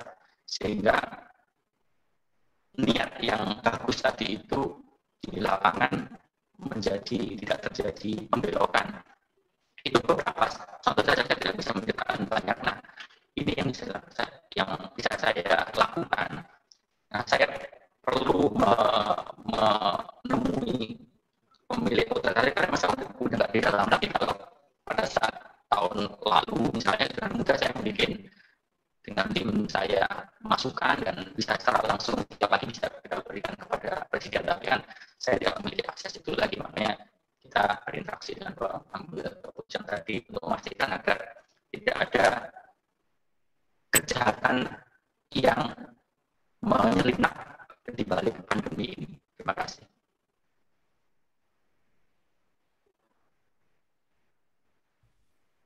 Iya, terima kasih, Prof. Uh, masih ada beberapa Saya pertanyaan. Ya, uh, Halo? Suaranya putus-putus, Prof. Mohon maaf. Saya pamit ya. Oh, iya, iya. Yeah. Terima kasih sebelumnya buat uh, Profesor Erani. Uh, ini juga sesi terakhir untuk uh, Mas Fadil. Terima kasih banyak atas waktunya, uh, uh, atas kesempatan yang juga uh, banyak sekali uh, ide-ide dan gagasan yang disampaikan oleh Profesor Irani. Mungkin kalau ini di ruangan, kami mau memberikan tepuk tangan yang meriah untuk Profesor Irani. Terima kasih. Uh, untuk selanjutnya, Ye, makasih Prof. Selamat berpuasa dan selamat uh, beriktikaf di rumah. ini iktikafnya jadi di rumah. Baik, uh, untuk selanjutnya. Assalamualaikum. Waalaikumsalam warahmatullahi wabarakatuh. Uh, sebagai penutup, ya sebagai uh, ini uh, kami persilakan Pak Fadillah Putra untuk uh, menjawab apa yang belum dijawab sehingga pencerahannya total ini malam ini. Pada Pak Fadilah Putra, monggo kami persilakan. Oke, terima kasih. Jadi untuk Mas Eka, uh, Pak Sarif, terus juga Pak Gus Farizal, ya, rekap saja jadi satu. Jadi uh, ini ada persoalan tentang kapasitas kebijakan dan ketika saya berbicara kebijakan itu bukan berarti bahwa ini sedang berbicara pemerintah karena kebijakan itu merupakan sebuah environment jadi lingkungan yang di dalamnya pemerintah merupakan salah satu komponen di dalam policy environment itu. Nah, dalam pembicaraan tentang uh, policy environment itu ada yang dinamakan dengan policy capacity. Dan tadi misalnya Dr. Siva menyampaikan bahwa uh, implementasinya ternyata ketika itu mau di apa namanya diisolasi di rumah ternyata ada uh, ada persoalan ya uh, apa fasilitas yang harus disediakan negara dan ternyata ada kendala koordinasi di situ. Jadi itu menunjukkan salah satu contoh bahwa policy capacity di sini belum bisa untuk mendeliver sebuah solusi secara efektif. Yang kedua, misalnya contoh lain adalah terkait dengan relaksasi kredit. Nah, kemarin saya sempat juga diskusi dengan uh, apa namanya pelaku-pelaku uh, bisnis apa namanya uh, kredit dan ternyata mereka mengatakan bahwa kebijakan relaksasi kredit itu keputusan diberi atau tidak diberi itu ada di tangan dari perusahaan leasing itu sendiri dan itu ternyata memang diskresi ini terlalu luas sehingga bisa membuka kemungkinan ada like and dislike. Kemudian ada orang yang memang uh, tidak memiliki itikat baik untuk membayar kredit memanfaatkan peluang ini untuk tidak membayar, apa, membayar kredit dengan alasan pandemi. Itu menunjukkan bahwa diskresi yang luas untuk memutuskan siapa yang diberi dan tidak uh, tidak diberi itu merupakan contoh bahwa policy capacity untuk mendeliver sebuah solusi ternyata tidak smooth. Itu contoh kedua. Contoh pertama tadi sudah disampaikan oleh Dr. Siva. Contoh ketiga adalah tentang bansos. Bansos yang diberikan oleh pemerintah baik pusat maupun daerah di lapangan ternyata ada problem terkait dengan data karena datanya nggak sama pemerintah pusat datanya beda pemerintah daerah datanya beda kemudian dari Kementerian Sosial itu mengotot bahwa harus menggunakan data 6NG dan sebagainya, ternyata di lapangan ada masyarakat yang tidak masuk dalam data uh, Kemensos, tapi ternyata realitanya mereka lebih miskin daripada yang ada di datanya Kemensos. Sehingga pemberian bansos yang tidak tepat sasaran juga merupakan lagi-lagi contoh bahwa policy capacity ini masih menjadi problem. Ya, jadi policy capacity itu adalah sebuah kemampuan institusional dari lembaga yang dimiliki oleh sebuah uh, negara untuk mendeliver solusi itu agar bisa terlaksana. Itu, itu saya kira catatan catatan kita dan itu tiap negara pasti berbeda. Kalau di Taiwan mungkin policy kapasitasnya sudah uh, agak lebih bagus, kemudian hubungan pemerintah pusat pemerintah daerah dan masih banyak uh, apa namanya kelompok-kelompok yang hijack ya uh, apa namanya uh, situasi ini. Saya kira itu uh, catatan dari perspektif saya dalam perspektif kebijakan publik dan itu tentunya menjadi bahan koreksi kita uh, bersama dan mungkin sekaligus nanti sebelum diakhiri mudah-mudahan saya berharap ya diskusi ini menjadi awal ya bagi kita untuk sama-sama bergerak menjalankan solusi yang sudah ada sehingga kita sedikit banyak membenahi policy capacity yang meskipun tidak 100% seperti tadi yang disampaikan oleh Dr. Siva apa yang sudah dilakukan oleh teman-teman Satgas Covid NU. Nah, itu apa kira-kira daftar panjang ya DIM ya kalau orang dalam perumusan daftar isian masalah apa yang kemudian masih belum bisa uh, apa masih menjadi bottleneck. Nah, itu nanti kira-kira apa yang bisa kita bantu untuk membuka eh, katup-katup uh, yang itu menyumbat. Nah, sehingga uh, solusi yang kemudian itu ditawarkan itu memang bisa terlaksana di lapangan. Jadi kadang-kadang bukan masalah kita tidak memiliki solusi, solusinya ada. Tapi ketika solusi itu diimplementasikan, kapasitas kebijakan dan kapasitas lingkungan kebijakan itu tidak cukup mendukung untuk bisa solusi itu terlaksana. Nah, bagaimana supaya polusi kapasitas itu bisa meningkat? Tidak ada kata lain kecuali kolaborasi, kerjasama, saling mendukung, saling membantu itu saja. Dan ini tentu saja uh, menjadi inisiatifnya siapa tidak harus pemerintah. Ya. Kita bisa menginisiasi agar uh, proses kolaborasi itu bisa berjalan. Nanti kalau ternyata apa yang dilakukan oleh uh, kelompok masyarakat sipil ini ternyata lebih efektif, kemudian lebih membawa hasil yang eh, apa namanya signifikan, nah bisa jadi kemudian pemerintah malah justru yang mensupport gerakan yang diinisiasi oleh masyarakat sipil. Saya kira mungkin itu semacam tawaran ya supaya nanti diskusi kita ini ada follow up yang lebih implementatif uh, berikutnya.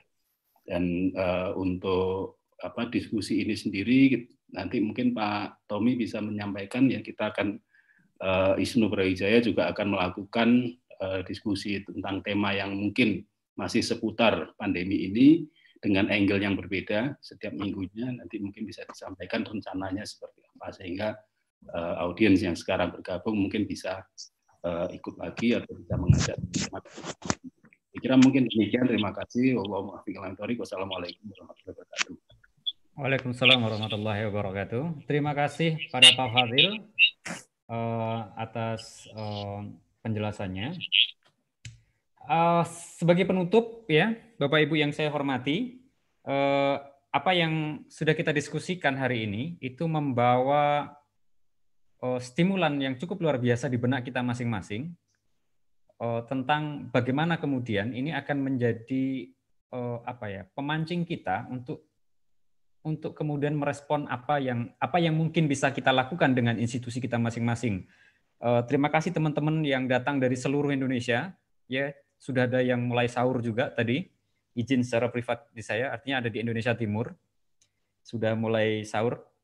Uh, setidaknya tadi kita bisa melihat uh, dari diskusi ini, saya bisa saya sendiri memper, uh, kemudian semakin bertanya-tanya, ada ber, ada beragam dampak kemudian yang yang yang muncul, yaitu kita belum mendiskusikan dampak agama, pendidikan, keamanan dan semacamnya.